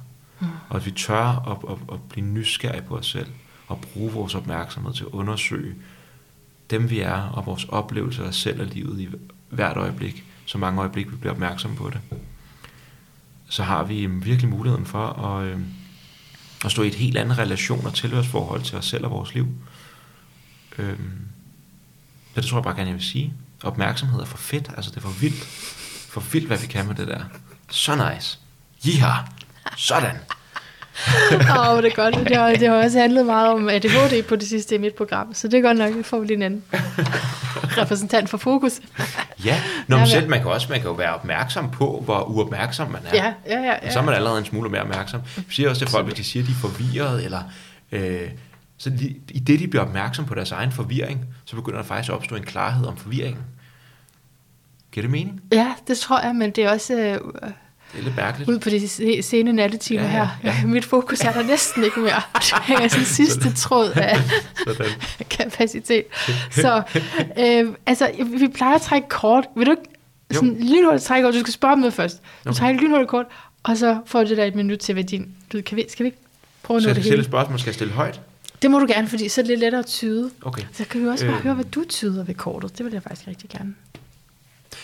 Hvad bringer den forbudte skole? Nu er vi her i sådan en podcast om Ja. ja. ting, så det, hvad, hvad, hvad bringer den? Hvad skal der ske? Fra, hvornår til hvornår? Næste I, år. Næste år. Lad os bare sige 23. næste- Lad os Yes. bare sige næste år. Godt. Jeg får næsten lyst til bare at køre den ud, men okay, næste år. Ja. Så er det næste år. Ja. Ramme. Fordi alt forandrer sig jo, Det det, det, er der har kigget meget på mig. Der er kommet et, uh, det Aries Okay. svær. The energy around you is dynamic and spontaneous. Crusading impulsive action is likely. Crusading, det er meget godt. Hold da kæft. Det der. Så vi fortsætter. det er det, jeg får lyst til at sige. Ja, det, det er sådan en bar derud af. Det er super irriterende, øh, forstået på den måde, at øh, jeg mange gange i mit liv øh, det senere år, der har jeg prøvet sådan at ligesom finde ud af, skal vi have noget struktur, skal vi få noget mere orden og ramme, og hver gang jeg spørger om det, så får jeg sådan noget her med bare at være spontan og dynamisk. Ja, Nå, det var meget godt. Det forstår, jeg forstår det godt, den indre konflikt i dig, ja. faktisk. Nå. Øhm, Alex, Grigat, Grigat. Hvad er din lyd af et bedre liv? Du får et minut. Får noget musik. Er du klar? For hvad? Skal jeg synge? Men så? jeg skulle lige til at begynde at synge. det synes jeg, du, vil du gerne Ej, synge for uden satan, jeg vil ikke synge. Det er der heller ikke nogen andre, der vil have. Altså. det gider jeg ikke. Nej, altså, du skal jo sige, hvad din lyd af et bedre liv er, og du har et minut, og du freestyler. Ja, okay. Og så, og så nu. Værsgo. Jamen, lyden af et bedre liv for mig, det er nu, jeg snakker meget om nærvær. Det er bare de lyde, der er lige her lige nu. Så det er egentlig bare det der med at igen blive opmærksom og nærværende og se, hvad der er egentlig for nogle lyde omkring os. Og så tror jeg også, at lyden af et bedre liv for på mange måder, det er og det der med at ture åbne sig op og modtage lyden. Være modtagen over for vores liv. Nysgerrigt modtagen over for livet. Frem for hele tiden at være bare rettet ud og hele tiden skulle skære ting i stykker. Så det er noget med at bare være modtagen over for hvert øjeblik og lytte til det, der er lytte til. Den lyd, der er lige nu. Og så kan man snakke om, at det ikke kun er at lytte med ørerne, men at lytte med hele sit væsen. Lytte med benet og lytte med maven. Og... Ej, hvor er det griner det her. men det tror jeg det. Du har 20 sekunder. Jeg har 20 sekunder endnu. Men så får jeg næsten bare lyst til at sidde og lytte.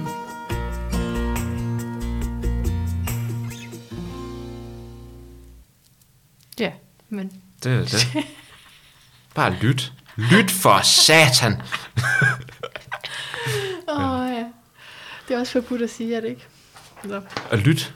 Nej, dit bandord. Nå, Du- ej, jeg banner meget, ja. Ej, det er jeg ked af. Jeg håber ikke, at, øh, at vi er bandefri zone. Jeg ved ikke, Så må du sætte nogle bips ind. Jeg ved ikke, hvordan det er i Danmark med det. Jeg, der ved ting, man, ved du, gør du på din podcast? Jeg du? banner Gør du helt det? vildt. Nå. Ja, ja, ja, ja, Det er også en forbudte skole, der må de forvente det jo. Det må de forvente. Ja. Nå, men jeg synes også, mange pæne mennesker, jeg snakker med, eller sådan, Kan de også? ja, folk banner jo, når de først får lov. Jeg, jeg tror også, hvis du sætter dem fri på den måde. Ja, og det er jo også spørgsmål af, hvad, hvad, hvor, hvad kommer bandeordet fra? Altså, det kan jo godt være en fucking god kage, og det er jo, det er jo fint. Eller det, sådan har jeg det i hvert fald. Undskyld derude. Men altså, det, det, det betyder ikke noget negativt. Det betyder, at det virkelig er en god kage, men der er bare noget kraft og noget pondus i det der ord, som ligesom siger, lige sætter en streg under, at øh, den er velbagt. Ja, Det her. ja det er de der kraftfulde ord, kraftfuld kommunikation. Ja. Tusind tak, Tak, man. Alex og den forbudte skole, for at være med her. Ja, tak for at invitere. Det har været virkelig, virkelig hyggeligt. Godt. Og hjertet tak til dig, der har lyttet med. Mange, mange tak. Det er jo blevet sent. Jeg har bare lige et par kommentarer til dig, der kan holde gejsten til det. Så øh, det var meget unikt og vidunderligt og fantastisk at have besøg af Alex. Det må jeg indrømme. Det havde virkelig været længe undervejs, og øhm, nu vil jeg ikke øh, rette ham for meget, før vi var kommet i gang. Jeg blev mere øh, formodig efter, vi havde været i gang lidt, hvis du bemærkede det. Men altså, det han regnede forkert, det er bestemt mere end et år siden. Men det er også lige meget. Det er fuldstændig meget. Jeg kan ikke, øh, jeg kan ikke bevise noget, men jeg ved, det er bestemt øh, mere end et år siden. Øh, mindst halvanden, at vi talte sammen. Og øh, hvor jeg jo i øvrigt også kommer lige til at tænke på, var meget optaget af, hvor ung han var. Og det var et issue, jeg havde lige der. har jeg haft det længe? Det kan jeg godt sige. har jeg det stadig? Ikke så meget, faktisk, fordi jeg er virkelig begyndt at møde øh, yngre folk. Altså det vil sige folk i 20'erne, hvor jeg bare tænker, hold det op. De har simpelthen en visdom og nogle erfaringer med sig, som jeg bare ikke havde, da jeg var i den alder. Så, så nogle gange så, så tænker vi jo, ja, altså vi, øh, det er nok normalt at tænke på den måde, at da jeg var i den alder, så var det sådan her, og derfor må det også være nogenlunde sådan for dig. Det har jeg da selv mødt hos ældre også, at de tænker, at de lige ved præcis, hvor man er henne, fordi de kan huske deres egen tidslinje, men øh, det er jo ikke altid sådan, det fungerer vel. Apropos astrologien, man, vi kommer altså ind med nogle forskellige ting, vi er født på forskellige tidspunkter, og der bliver lavet forskellige øh, generationer, øh, som har noget forskelligt med sig. Så anyway, jeg har kæmpe respekt for ham, og øh, øh, ja, selvfølgelig er der alt muligt stort også omkring en Saturn Return, og det er det også for ham, men, men han har godt nok meget øh, visdom øh, med sig, og er bare øh, mega langt fremme. Altså i, i forhold til Øh, i forhold til jeg, i forhold til da jeg var på den alder. Øh, ja, så, øh, så det var i, i sandhed inspirerende, fedt at møde ham. Og ja, det der jo så også har været, før jeg mødte ham, og før vi begyndte at vi har lavet sådan nogle talebeskeder. Det er et hit i øvrigt. Gør du det? Laver du talebeskeder med nogen? Altså man kan jo på forskellige øh, medier lave sådan nogle nogen kan vel også på deres, via deres sms, skal jeg ikke undervise i teknologi, så bliver det hurtigt lidt pinligt. Men det er ret fedt, synes jeg, at man bare lige kan sende sådan et stykke stemme der. Nå. Men før vi gjorde det, der øh, havde jeg da i hvert fald nogle øh, spændinger, øh, nogle af de jaloux slags spændinger i mig, fordi jeg synes godt nok, at det der koncept, den forbudte skole, er mega fedt. Og jeg tænkte, ej, hvor er det irriterende, jeg ikke har fundet på det selv. Virkelig irriterende, jeg ikke har fundet på det selv. Det er, det, er, det er jo genialt. Og jeg synes også, at det, det er jo, der er rigtig mange podcaster, ikke også? Der er rigtig mange ombudet her. Det, øh, det er vist ikke nogen hemmelighed. Altså, og, og også inden for selvudvikling, nu, det, nu siger jeg det om, om min podcast, det er helt klart om selvudvikling. Hans podcast, det ved jeg ikke, om han vil have det ord på, men så i hvert fald om filosofi. Vi har filosofien til, til fælles, jeg kalder det livsfilosofi øh, for, for lyden af et bedre livsvedkommende. Øh, der, der er bestemt også andre øh, podcaster inden for det område, absolut.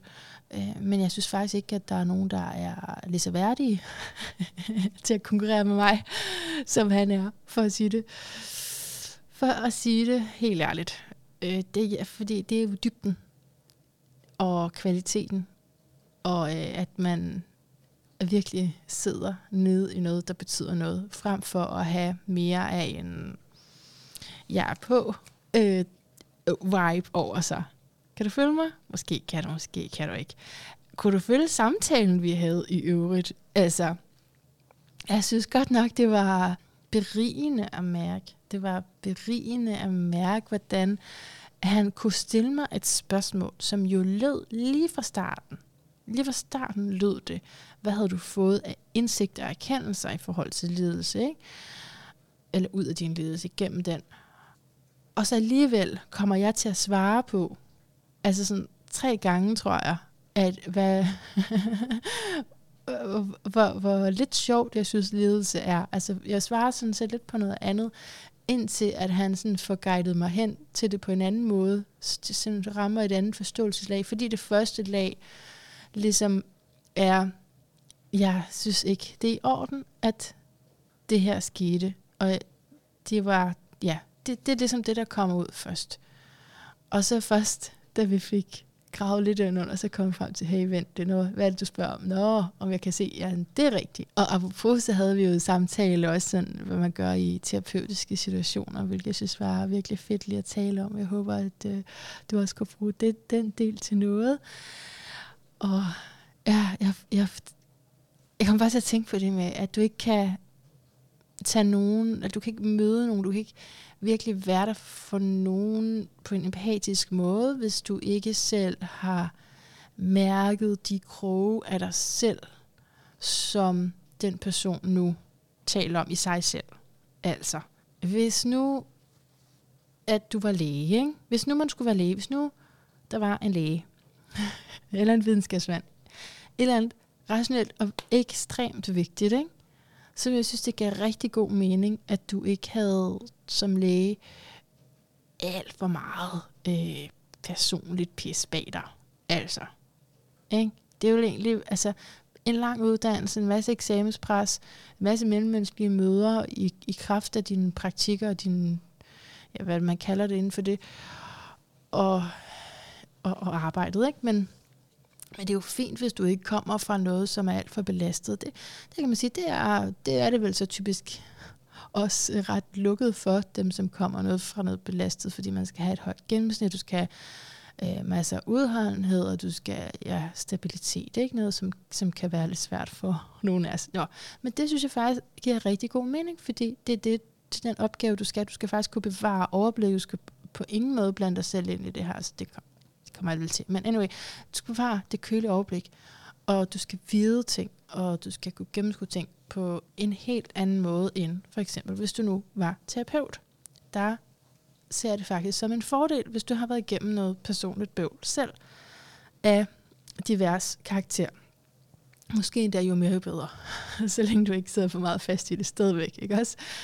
Men det at, når der er klienter, der taler til mig om afhængighed, øh, depression, mørket, øh, Øh, alle de her indre konflikter og spændinger, eller jeg aner ikke hvilken vej, eller jeg ved ikke, hvorfor det sker, jeg ved faktisk ikke, hvorfor jeg er her, eller sidder fast i et eller andet, eller mm, jamen, altså, øh, ja, den her også følelse af at blive manipuleret, som vi også var lidt inde på.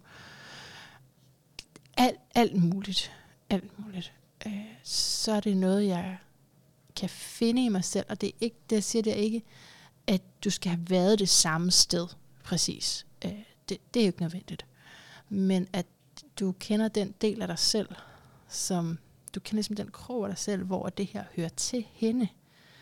Det er enormt brugbart. Det er enormt vigtigt. Så det er jo i hvert fald et svar på, hvad lidelse gør, at det også forbereder dig på at møde et andet menneske, og møde dig selv jo, først og fremmest møde dig selv. Og det har jeg også lyst til lige at sige, at, at når vi taler om terapeut-klient, jeg kan rigtig godt lide termerne, fordi også hvis det er mig, der har været i terapi, og man omtaler det, så holder man lige en distance til det, fordi jeg er jo ikke klient hele tiden, jeg er heller ikke terapeut hele tiden, men så går man ind i de der roller, og derfor taler man om terapeuten og klienten, og ikke øh, tager det for øh, personligt, ikke tager det for meget på sig.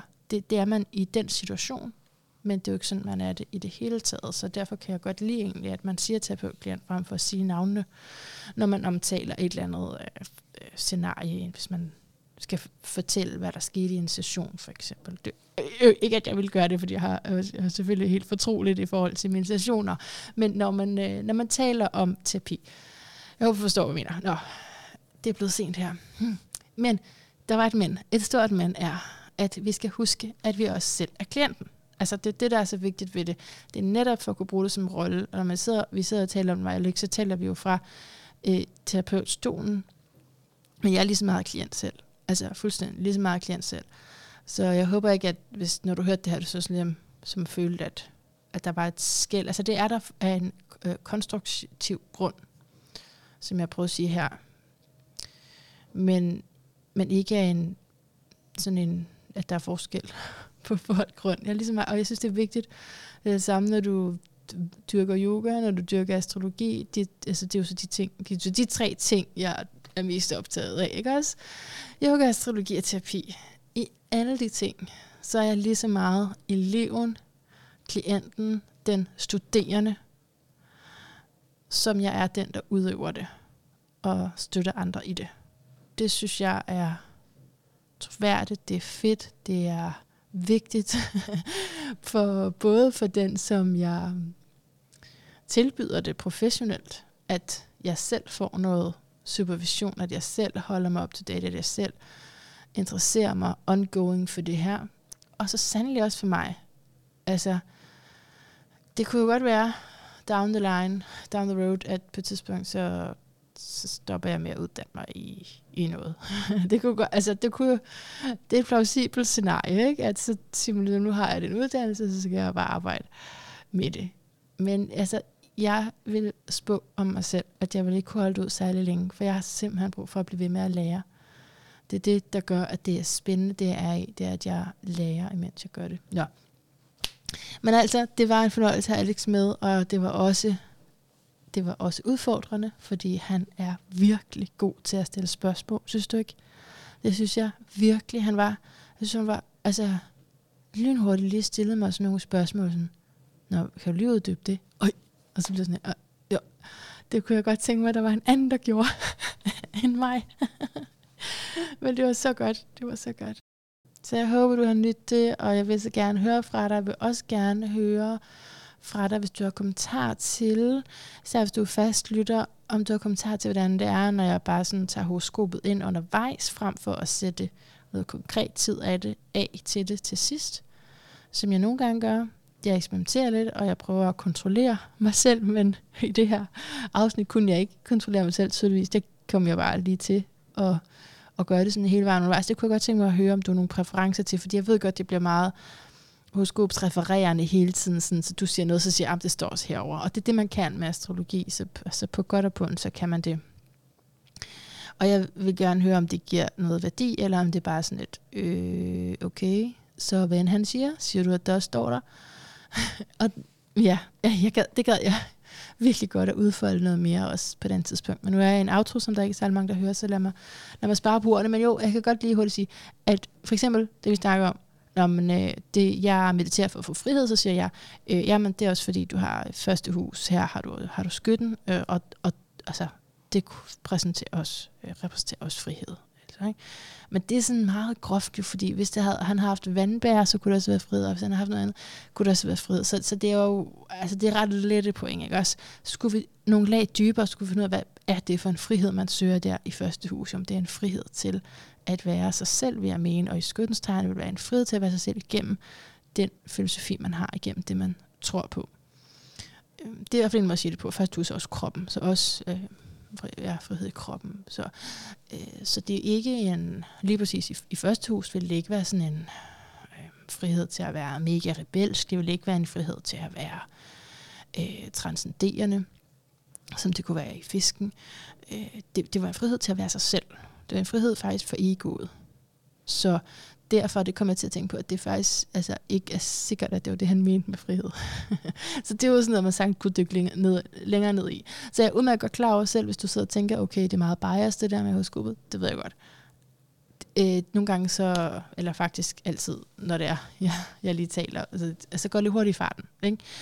Så, øh, så en seriøs samtale om øh, dit horoskop, om øh, andres horoskoper, der skal du bruge længere tid, og du skal bruge en vekselvirkning mellem, at jeg siger noget, og at horoskopsejeren siger noget, så, så man er sikker på, at man taler om det samme og rammer ned i det. Så det er jo ikke det, jeg laver her. Det er jo ikke en gennemgang af horoskopet. Det er mere på et overfladisk plan, for at vi får nogle idéer til at forstå den her person, men idéer, som, øh, som er totalt åbne. totalt, totalt åbne for rettelser og, og andre vinkler, end det jeg lige siger. Så af hjertet, af hjertet, af hjertet tak for dig. Må du bare have det så vidunderligt, og jeg håber, at vi hører ved igen næste uge. Men du er et frit menneske, og du træffer vidunderlige valg for dig selv, det er jeg sikker på. Og hvis ikke det er, så finder du nok ud af en bedre måde at løse det på. Jeg har totalt tiltro til, at øh, du gør det, der er det rigtige for dig. Så jeg er her, når du har lyst, tid og overskud og interesse, så kan du altid klikke øh, play på Lyden af et bedre liv. Indtil vi høres ved igen, gentænk alt. Måske især, hvordan du kan finde mere nærvær i dit liv.